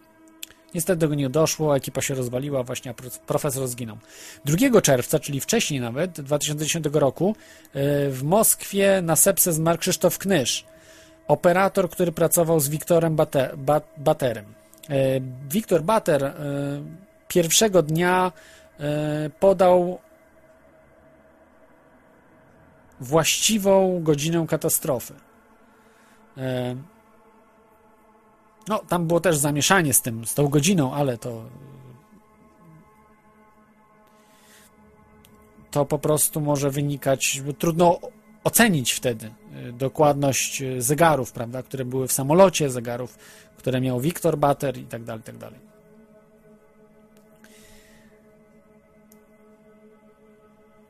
Dariusz Szpinet, Szpineta, zawodowy pilot, instruktor piloto, pilotażu, y, został znaleziony martwy w łazience ośrodka wczasowego w Indiach. Y, Szpineta y, podważał twierdzenia Rosjan co do statusu lotu, wskazując, że lot Tupolewa był lotem wojskowym. No nie wiem, czy to akurat jakieś no, ma znaczenie, ale także podważał w ogóle raport, raport Rosjan. Więc to coś mogło być na rzeczy. Śmierć e, generała Sławomira Petelickiego, założyciela GROM, twórcę GROM, e, elitarnej jednostki polskiej. E, Krytykował on ustalenia komisji Millera oraz samego, krytykował samego Donalda Tuska za niezwrócenie się do NATO o pomoc przy badaniu katastrofy, czyli no niezwróceniu wraku do... Pomimo, że, że generał Sławomir Petelicki był, no wiadomo, z układu człowiekiem, który mm, bardzo od, no, serwilistycznie podchodził za czasów PRL-u do swojej służby, to jednak w jakimś stopniu zachował się jak patriota w ostatnich latach i naciskał na rządzących, krytykował i naciskał na rządzących, żeby zachowywali się jak Polacy, a nie jak sługusy jakichś innych krajów. Także tutaj należy oddać szacunek panu generałowi. Kolejną osobą jest e, Grzegorz Michniewicz, to jest dyrektor generalny kancelarii premiera. Oczywiście samobójstwo, Mm, jedno z pierwszych samobójstw zresztą, chyba z tego co pamiętam. E, Znajomi Michniewicza zwracają uwagę na dziwne okoliczności samobójstwa. E, To można było prześledzić i to właśnie budzi wątpliwości działania prokuratury, że znajomi jego się nie zgadzają z tym, z tymi wynikami. E, Więcej można przeczytać właśnie w książce. To jest y, książce Leszka Misiaka i Grzegorza Wierzchołowskiego Smoleńsk kulisy katastrofy. Także też książka to myślę, że w miarę uczciwie napisana. Nie czytałem jej, ale, ale z tego co czytałem o, o, o książce. No, trudno, trudno powiedzieć, czy jest wiarygodna, bo trzeba całą książkę z reguły przeczytać. No. Ale to już raczej dla fanów tej katastrofy, żeby dowiedzieć się już du, dużo właśnie dużo faktów dotyczących tej katastrofy.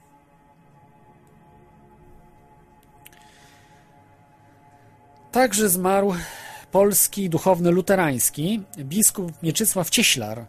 E, Zginął nie- nieda- niedaleko, niedługo po katastrofie smoleńskiej. E, Biskup zmarł w wypadku samochodowym. E, Biskup Cieślar mm, miał e, właśnie odebrać po katastrofie smoleńskiej wiadomość tekstową od księdza Adama Pilcha, e, który zginął w Smoleńsku, że przeżył katastrofę.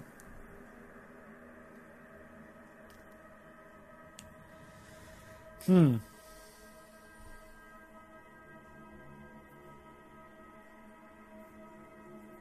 To już się zaczyna robić science fiction, że odebrał, tego potem za, zabili, bo odebrał wiadomość kogoś. No, odebranie od kogoś wiadomości yy, równie dobrze mógł ktoś wysłać. Do, jeżeli ktoś przechwycił taki telefon i chciał sobie zrobić głupi żart, czy po prostu gdzieś zakpić z, z poszukiwaczy spisków, też tak może być. Także yy, najlepiej wtedy po prostu z taką osobą się skontaktować. Nie, że prześlę mi SMS-a, tylko po prostu się spotkać z taką osobą, że przeżyła i faktycznie przeżyła. No to jeżeli przeżył, to dlaczego się nie ujawnił? Przeżył katastrofę, a nie było go potem. Także, także no absurdalne to jest. No ale mówię, no te, te dane z internetu brałem z, niestety ze strony faktu, yy, więc dlatego to... Ale biskup Mieczysław Cieślar zginął. No to wiemy, że zginął i być może w jakiś inny sposób był związany z, z katastrofą, katastrofą smoleńską.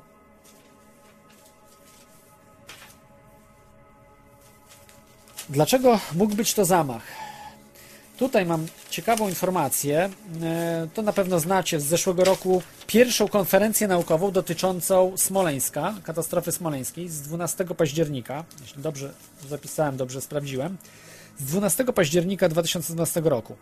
E, Brali w niej udział naukowcy, wyobraźcie sobie, byli zaproszeni Przedstawiciele komisji Millera, czyli rządowej kom- komisji badającej tę katastrofę, niestety nikt się nie pojawił. Zawsze uważam, że ktoś się boi dyskusji w poważnych sprawach, to yy, jest coś na rzeczy, że chce coś ukryć. To znaczy nie chce się zmierzyć z faktami. I brali w niej udział takie osoby jak Wacław Berczyński, Wiesław Binienda, e, profesorowie z reguły. Profesorowie lub do, doktorzy poli, z Politechniki. Chris Ciszewski, Marek Czachor, Wojciech Fabianowski, Andrzej Flaga, Jacek Gieras, Kazimierz Nowaczyk, Jan Obremski, Grzegorz Szuladziński i Piotr Witakowski.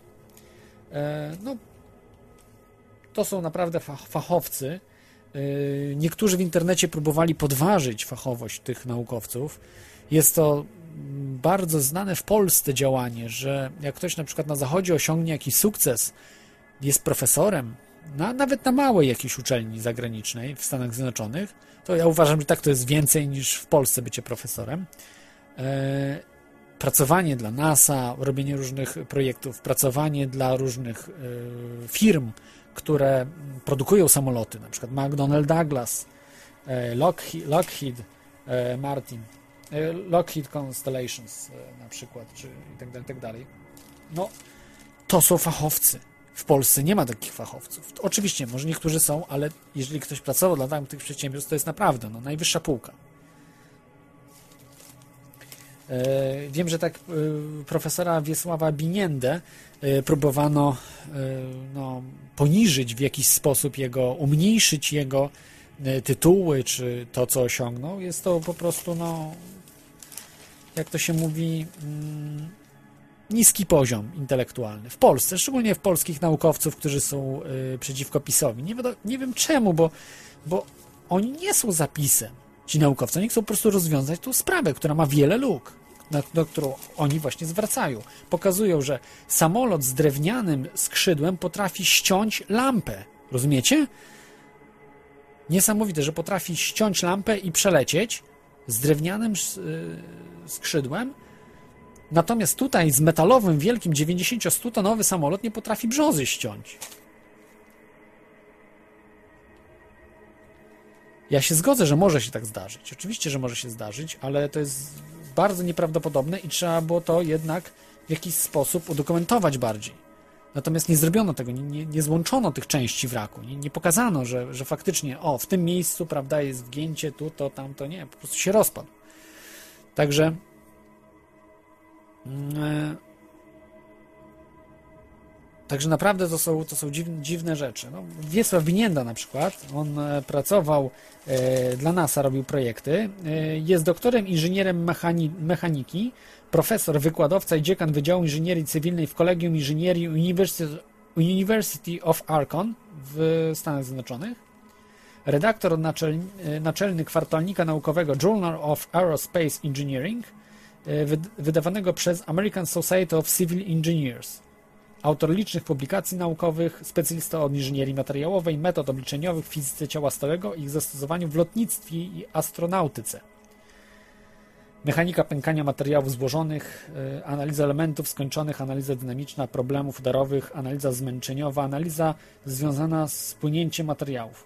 Laureat wielu nagród, e, w tym przyznawanego przez NASA e, NASA Turning Goal into Reality World z 2004 roku za udział w badaniach dotyczących poprawy bezpieczeństwa w konstrukcjach silników odrzutowych. Także po prostu jest to, uważam, nie na poziomie krytykowanie kogoś, yy, bo yy, bierze udział w takiej mm, yy, pracy właśnie takiego zespołu. No jest, jest, jest, jest to pomyłka jakaś zupełna. Także naprawdę, zainteresujcie się tą, jest do dyspozycji, można w internecie zobaczyć wykłady tych profesorów, zobaczyć dyskusję całą, naprawdę fajna sprawa, pokazują różne braki, różne informacje, które są bardzo nie, nieścisłe w, w analizie pana Millera, komisji Millera. Także chociażby to, że y, pokazują, że samolot się jakoś tam wirował, że dlatego tych drzew nie pościnał. Tam trochę drzew po prostu e, pościnał. Natomiast to mogli zrobić Rosjanie na, na, na szybko, po prostu ścinać te e, drzewa odpowiednio, w odpowiedni sposób. Także trudno powiedzieć, bo powinno być więcej, powinna być cała jakby tak zrobiona taka aleja zrobiona po prostu z cięcia drzew, no, a, nie, a nie tak dosłownie parę drzewek przyciętych. To był wielki samolot, to nie, był mały, mała, to nie była mała awionetka. Dlatego to też uważam, y, nie znam się oczywiście na, na, na tych wszystkich sprawach, ale y, tu są naukowcy z, o, no, można powiedzieć, y, światowej klasy naukowcy, którzy są specjalistami, także polskimi specjalistami, ale także właśnie dużo naukowców, którzy w Stanach pracują, znają się fenomenalnie na, na sprawach y, związanych z lotnictwem.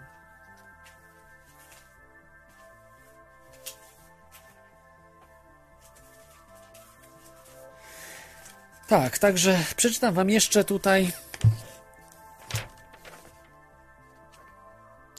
10 dowodów na zamach, że to mógł być zamach. Które właśnie te rzeczy mnie, muszę wam powiedzieć, po części yy, no przekonują w jakiś sposób jednak.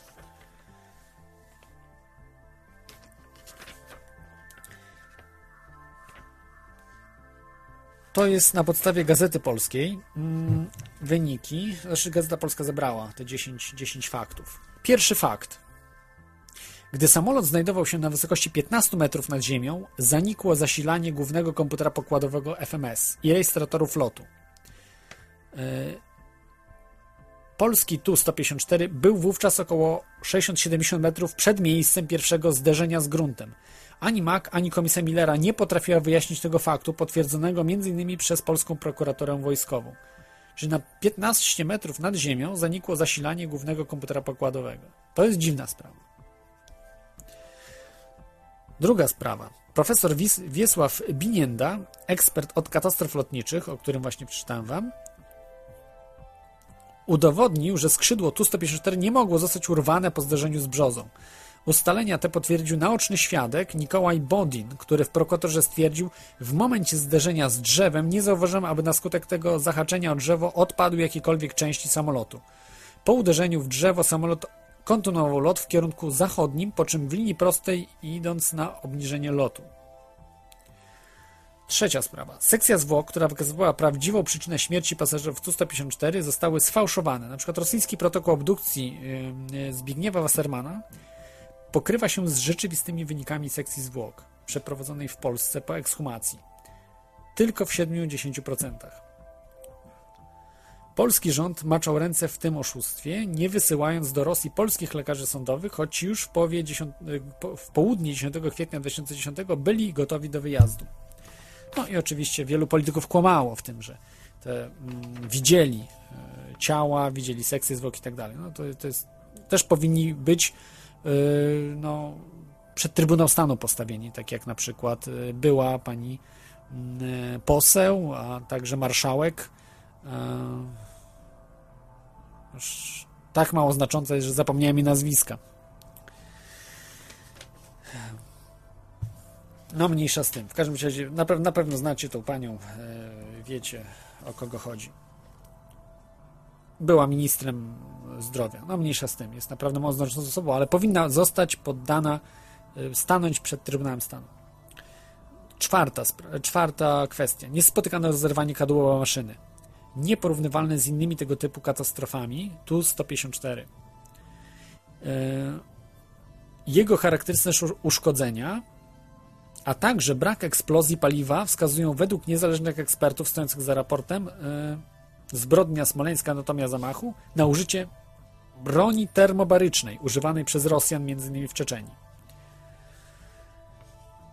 No, to już oczywiście dodane przez Gazetę Polską, bo to, że broń termobaryczna, no to okej, ale, ale że sugerują, że przez Rosjan zostało użyte. No, nie, tak daleko nie idziemy. No, ale termobaryczna broń. Tak właśnie wybucha. Numer 5. Jak wynika z zeznań świadków, zdecydowana większość ciał była pozbawiona części ubrania lub całkowicie naga. Zdaniem autorów raportu Zbrodnia Smoleńska, fakt ten pasuje do końcowej fazy wybuchu skumulowanego gł- głowicy termobarycznej. O tym, że powstałe po takiej eksplozji podciśnienie zrywa ubrania z ludzkich ciał, mówi także w jednym z wywiadów współtwórca takich głowic Wasilij Wasilenko. Yy... Numer szósty. Po tym, jak samolot wyłonił się na chwilę z, z, mgły, to był moment, kiedy zaryczały silniki i powstał silni, silno oślepiający błysk. Po tym błysku obserwowałem samolot przez 1-2 sekundy, próbował nabrać wysokości. E, Zeznał w śledztwie jeden z rosyjskich świadków, Anatolij Żujew. Silny, oślepiający błysk. Silny, oślepiający błysk. Widział świadek. UFO. Oczywiście nie UFO. I nie była to benzyna. Numer 7. Polska załoga Tu-154 e, 101 otrzymała od Rosjan kartę podejścia lotniska Smoleńsk-Siewierni e, zawierające błędne dane, m.in. złe współrzędne pasa startowego. Potwierdzili to w swych zeznaniach w prokuraturze polscy piloci wojskowi. No, to mógł być bałagan rosyjski. Tutaj akurat wydaje mi się, że byli pijani ci e, kontrolerzy lotu rosyjscy. Tak mi się przynajmniej wydaje z tego, co słyszałem. Tego, co słyszałem, bo. y,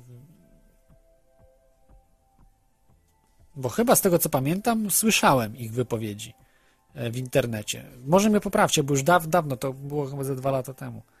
E, Czy, czy ileś tam, że słyszałem te wypowiedzi. Mog, mogę się mylić, ale wydaje mi się, że e, one były upublicznione. Ale mogę się mylić. Mo, mogę się mylić. Może czytałem po prostu tylko, ale, ale wydaje mi się, że słyszałem.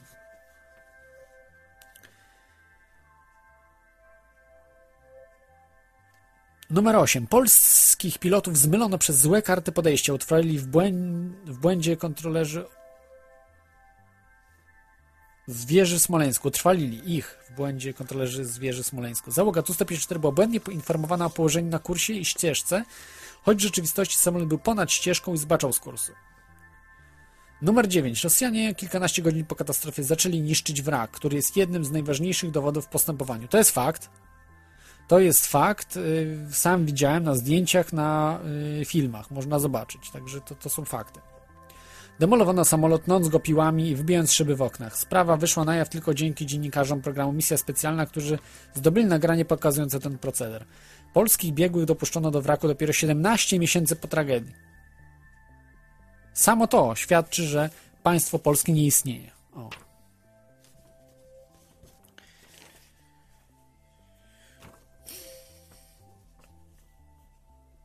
No i na koniec numer 10. Rosjanie nie przeprowadzili akcji ratunkowej. Pierwsza jednostka strażacka przybyła na miejsce rozbicia się samolotu dopiero 14 minut po katastrofie, mimo iż tragedia miała miejsce 400 metrów od progu pasa startowego. Pojazd GAZ 4075 Regionalnej Bazy Poszukiwawczo-Ratowniczej Wojska Smoleńsk Południowy dojechał na miejsce katastrofy jeszcze później, bo o godzinie 9.25, czyli dopiero po 44 minutach od rozbicia się samolotu. Jak wynika z zeznań świadków, kilka godzin po tragedii wiele ciał leżało obróconych twarzą do ziemi, co świadczy o tym, że nikt nawet nie sprawdzał, czy żyją.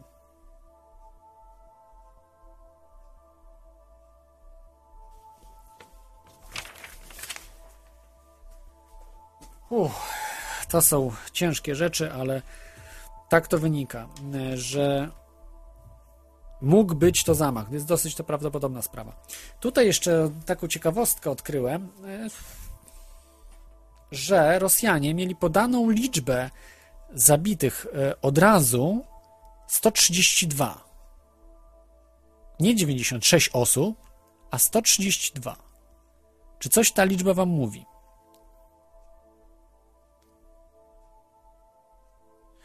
Mi to mówi od razu z numerologii 4 razy 33. Jak wiecie, 33 jest liczbą magiczną dla globalistów, kabalistów, globalistów. Natomiast się zastanawiam nad czwórką. Może ktoś z Was ma jakieś propozycje i wie, co ta czwórka oznacza.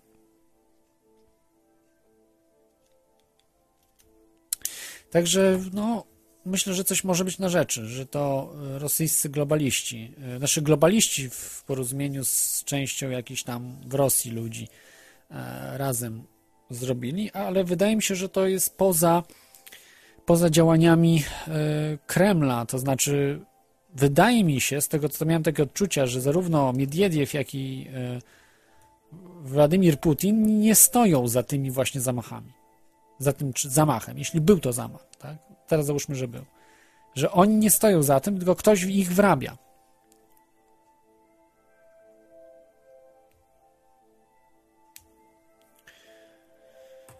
Kto, o, ktoś ich po prostu wrabiał. A kto? No, być może globaliści. Jednego globalistę chciałbym Wam na koniec jeszcze puścić.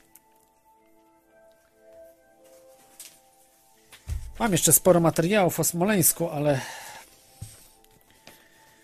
Ale myślę, że żeby się nie kompromitować dalej, bo na pewno dużo jakichś błędów powiedziałem różnych, że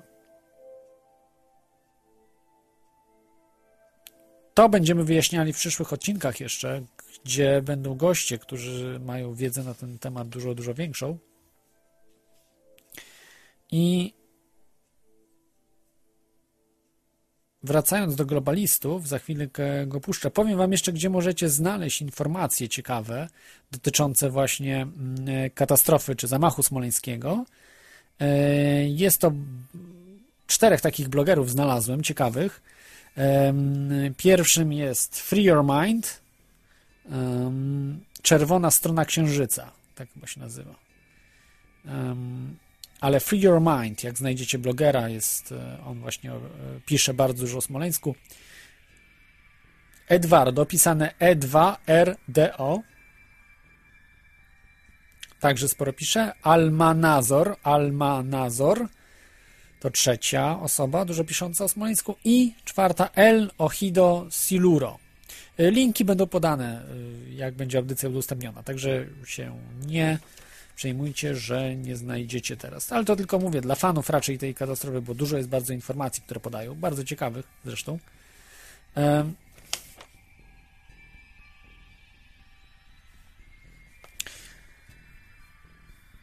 Także chciałbym Wam tutaj zaprezentować jedno, jedno nagranie. mm,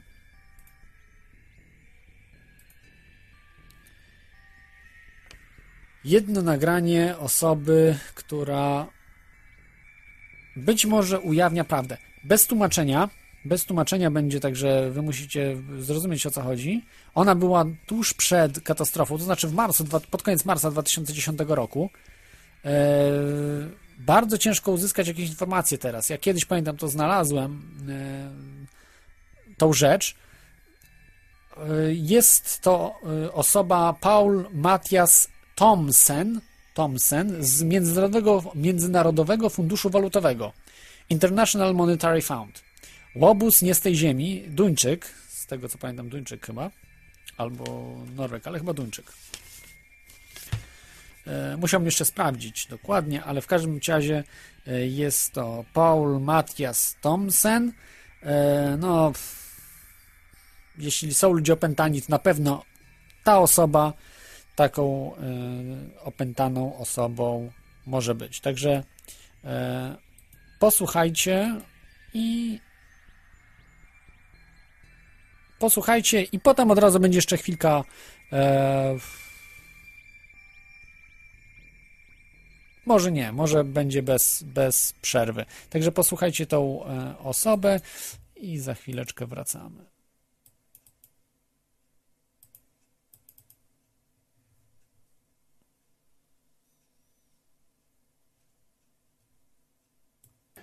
Poland has not escaped the global financial crisis. The country is being hit hard through both the export channel, most of its trading partners are in deep recession, and through the financial channel. A large share of the Polish banking system is foreign owned, and the global deleveraging is causing a significant slowdown in credit growth in Poland as well. As mentioned, we believe that the Polish authorities' response to the crisis have been very good. Monetary policy has been loosened significantly. This was the right move. As to fiscal policy, the authorities have underscored their determination to limit the increase in the deficit. This is important to keep Poland on track for early euro adoption and to reassure markets that the government's financing requirement will not be excessive. However, some increase in the deficit is unavoidable as the economy and tax revenues slow sharply in the coming months. In fact, some increase is desirable as it helps offset the sudden slump in demand due to the external shocks. What is also noteworthy is that Poland has continued to pursue important structural reform despite the difficult economic environment.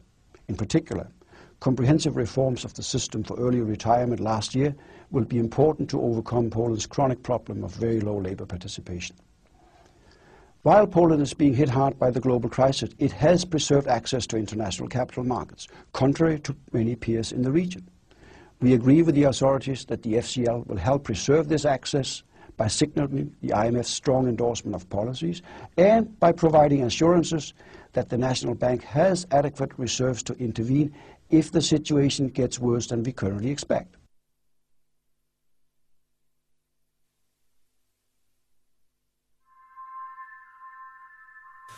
Tak, jesteśmy z powrotem. Także pan. Pan Paul Matthias Thompson powiedział, co myśli o Polsce. Oczywiście nie jest to groźba jakaś taka straszna, ale się dziwnie, dziwnie składa to wszystko, że pan Skrzypek jakoś nie bardzo pana Thompsona słuchał. Robił odwrotnie niż on chciał, pan Thompson, więc więc się zajęli. Myślę, mogli się zająć. Tak, na pewno Międzynarodowy Fundusz Walutowy na tym bardzo dużo zyskał. Tak się przejmują właśnie Polską, strefą euro, żeby Polska do euro weszła. No, widzicie, to są właśnie globaliści. Dla nich y, kraje nie mają znaczenia, dla nich ma, mają znaczenie mają pieniądze i praca zwykłych ludzi na nich, bo ktoś ich utrzymuje, tych ludzi. Oni nie, nie działają w próżni. Ci ludzie są utrzymywani przez nas, przez zwykłych ludzi, którzy płacą podatki. A gwarantuję wam, że wszyscy z was płacicie podatki. No chyba, że na zasiłku jesteście i więcej od państwa dostajecie niż dajecie. No ale to jest raczej znaczna mniejszość, margines. Większość ludzi niestety płaci podatki na tych łobuzów.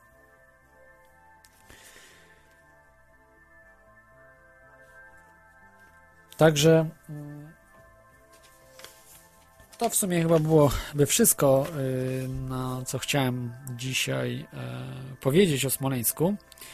E, Będą, będą jeszcze audycje o Smoleńsku, takie bardziej profesjonalne, z większą ilością szczegółów i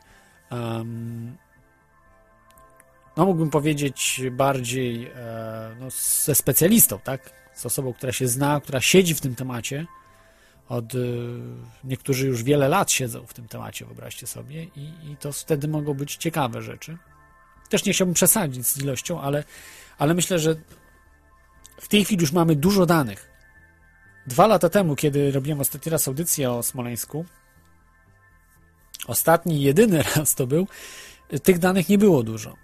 Pomimo, że rok czasu był od y, katastrofy smoleńskiej czy zamachu smoleńskiego. Natomiast dzisiaj mamy dużo więcej informacji, bo za to wzięli się e, profesorowie, naukowcy, wzięli się też e, no, przede wszystkim inżynierowie lotnictwa, sami piloci, e, wielu ludzi, badaczy, którzy sprawdzają te wszystkie kwestie. No i dzięki temu mamy dużo, dużo więcej informacji.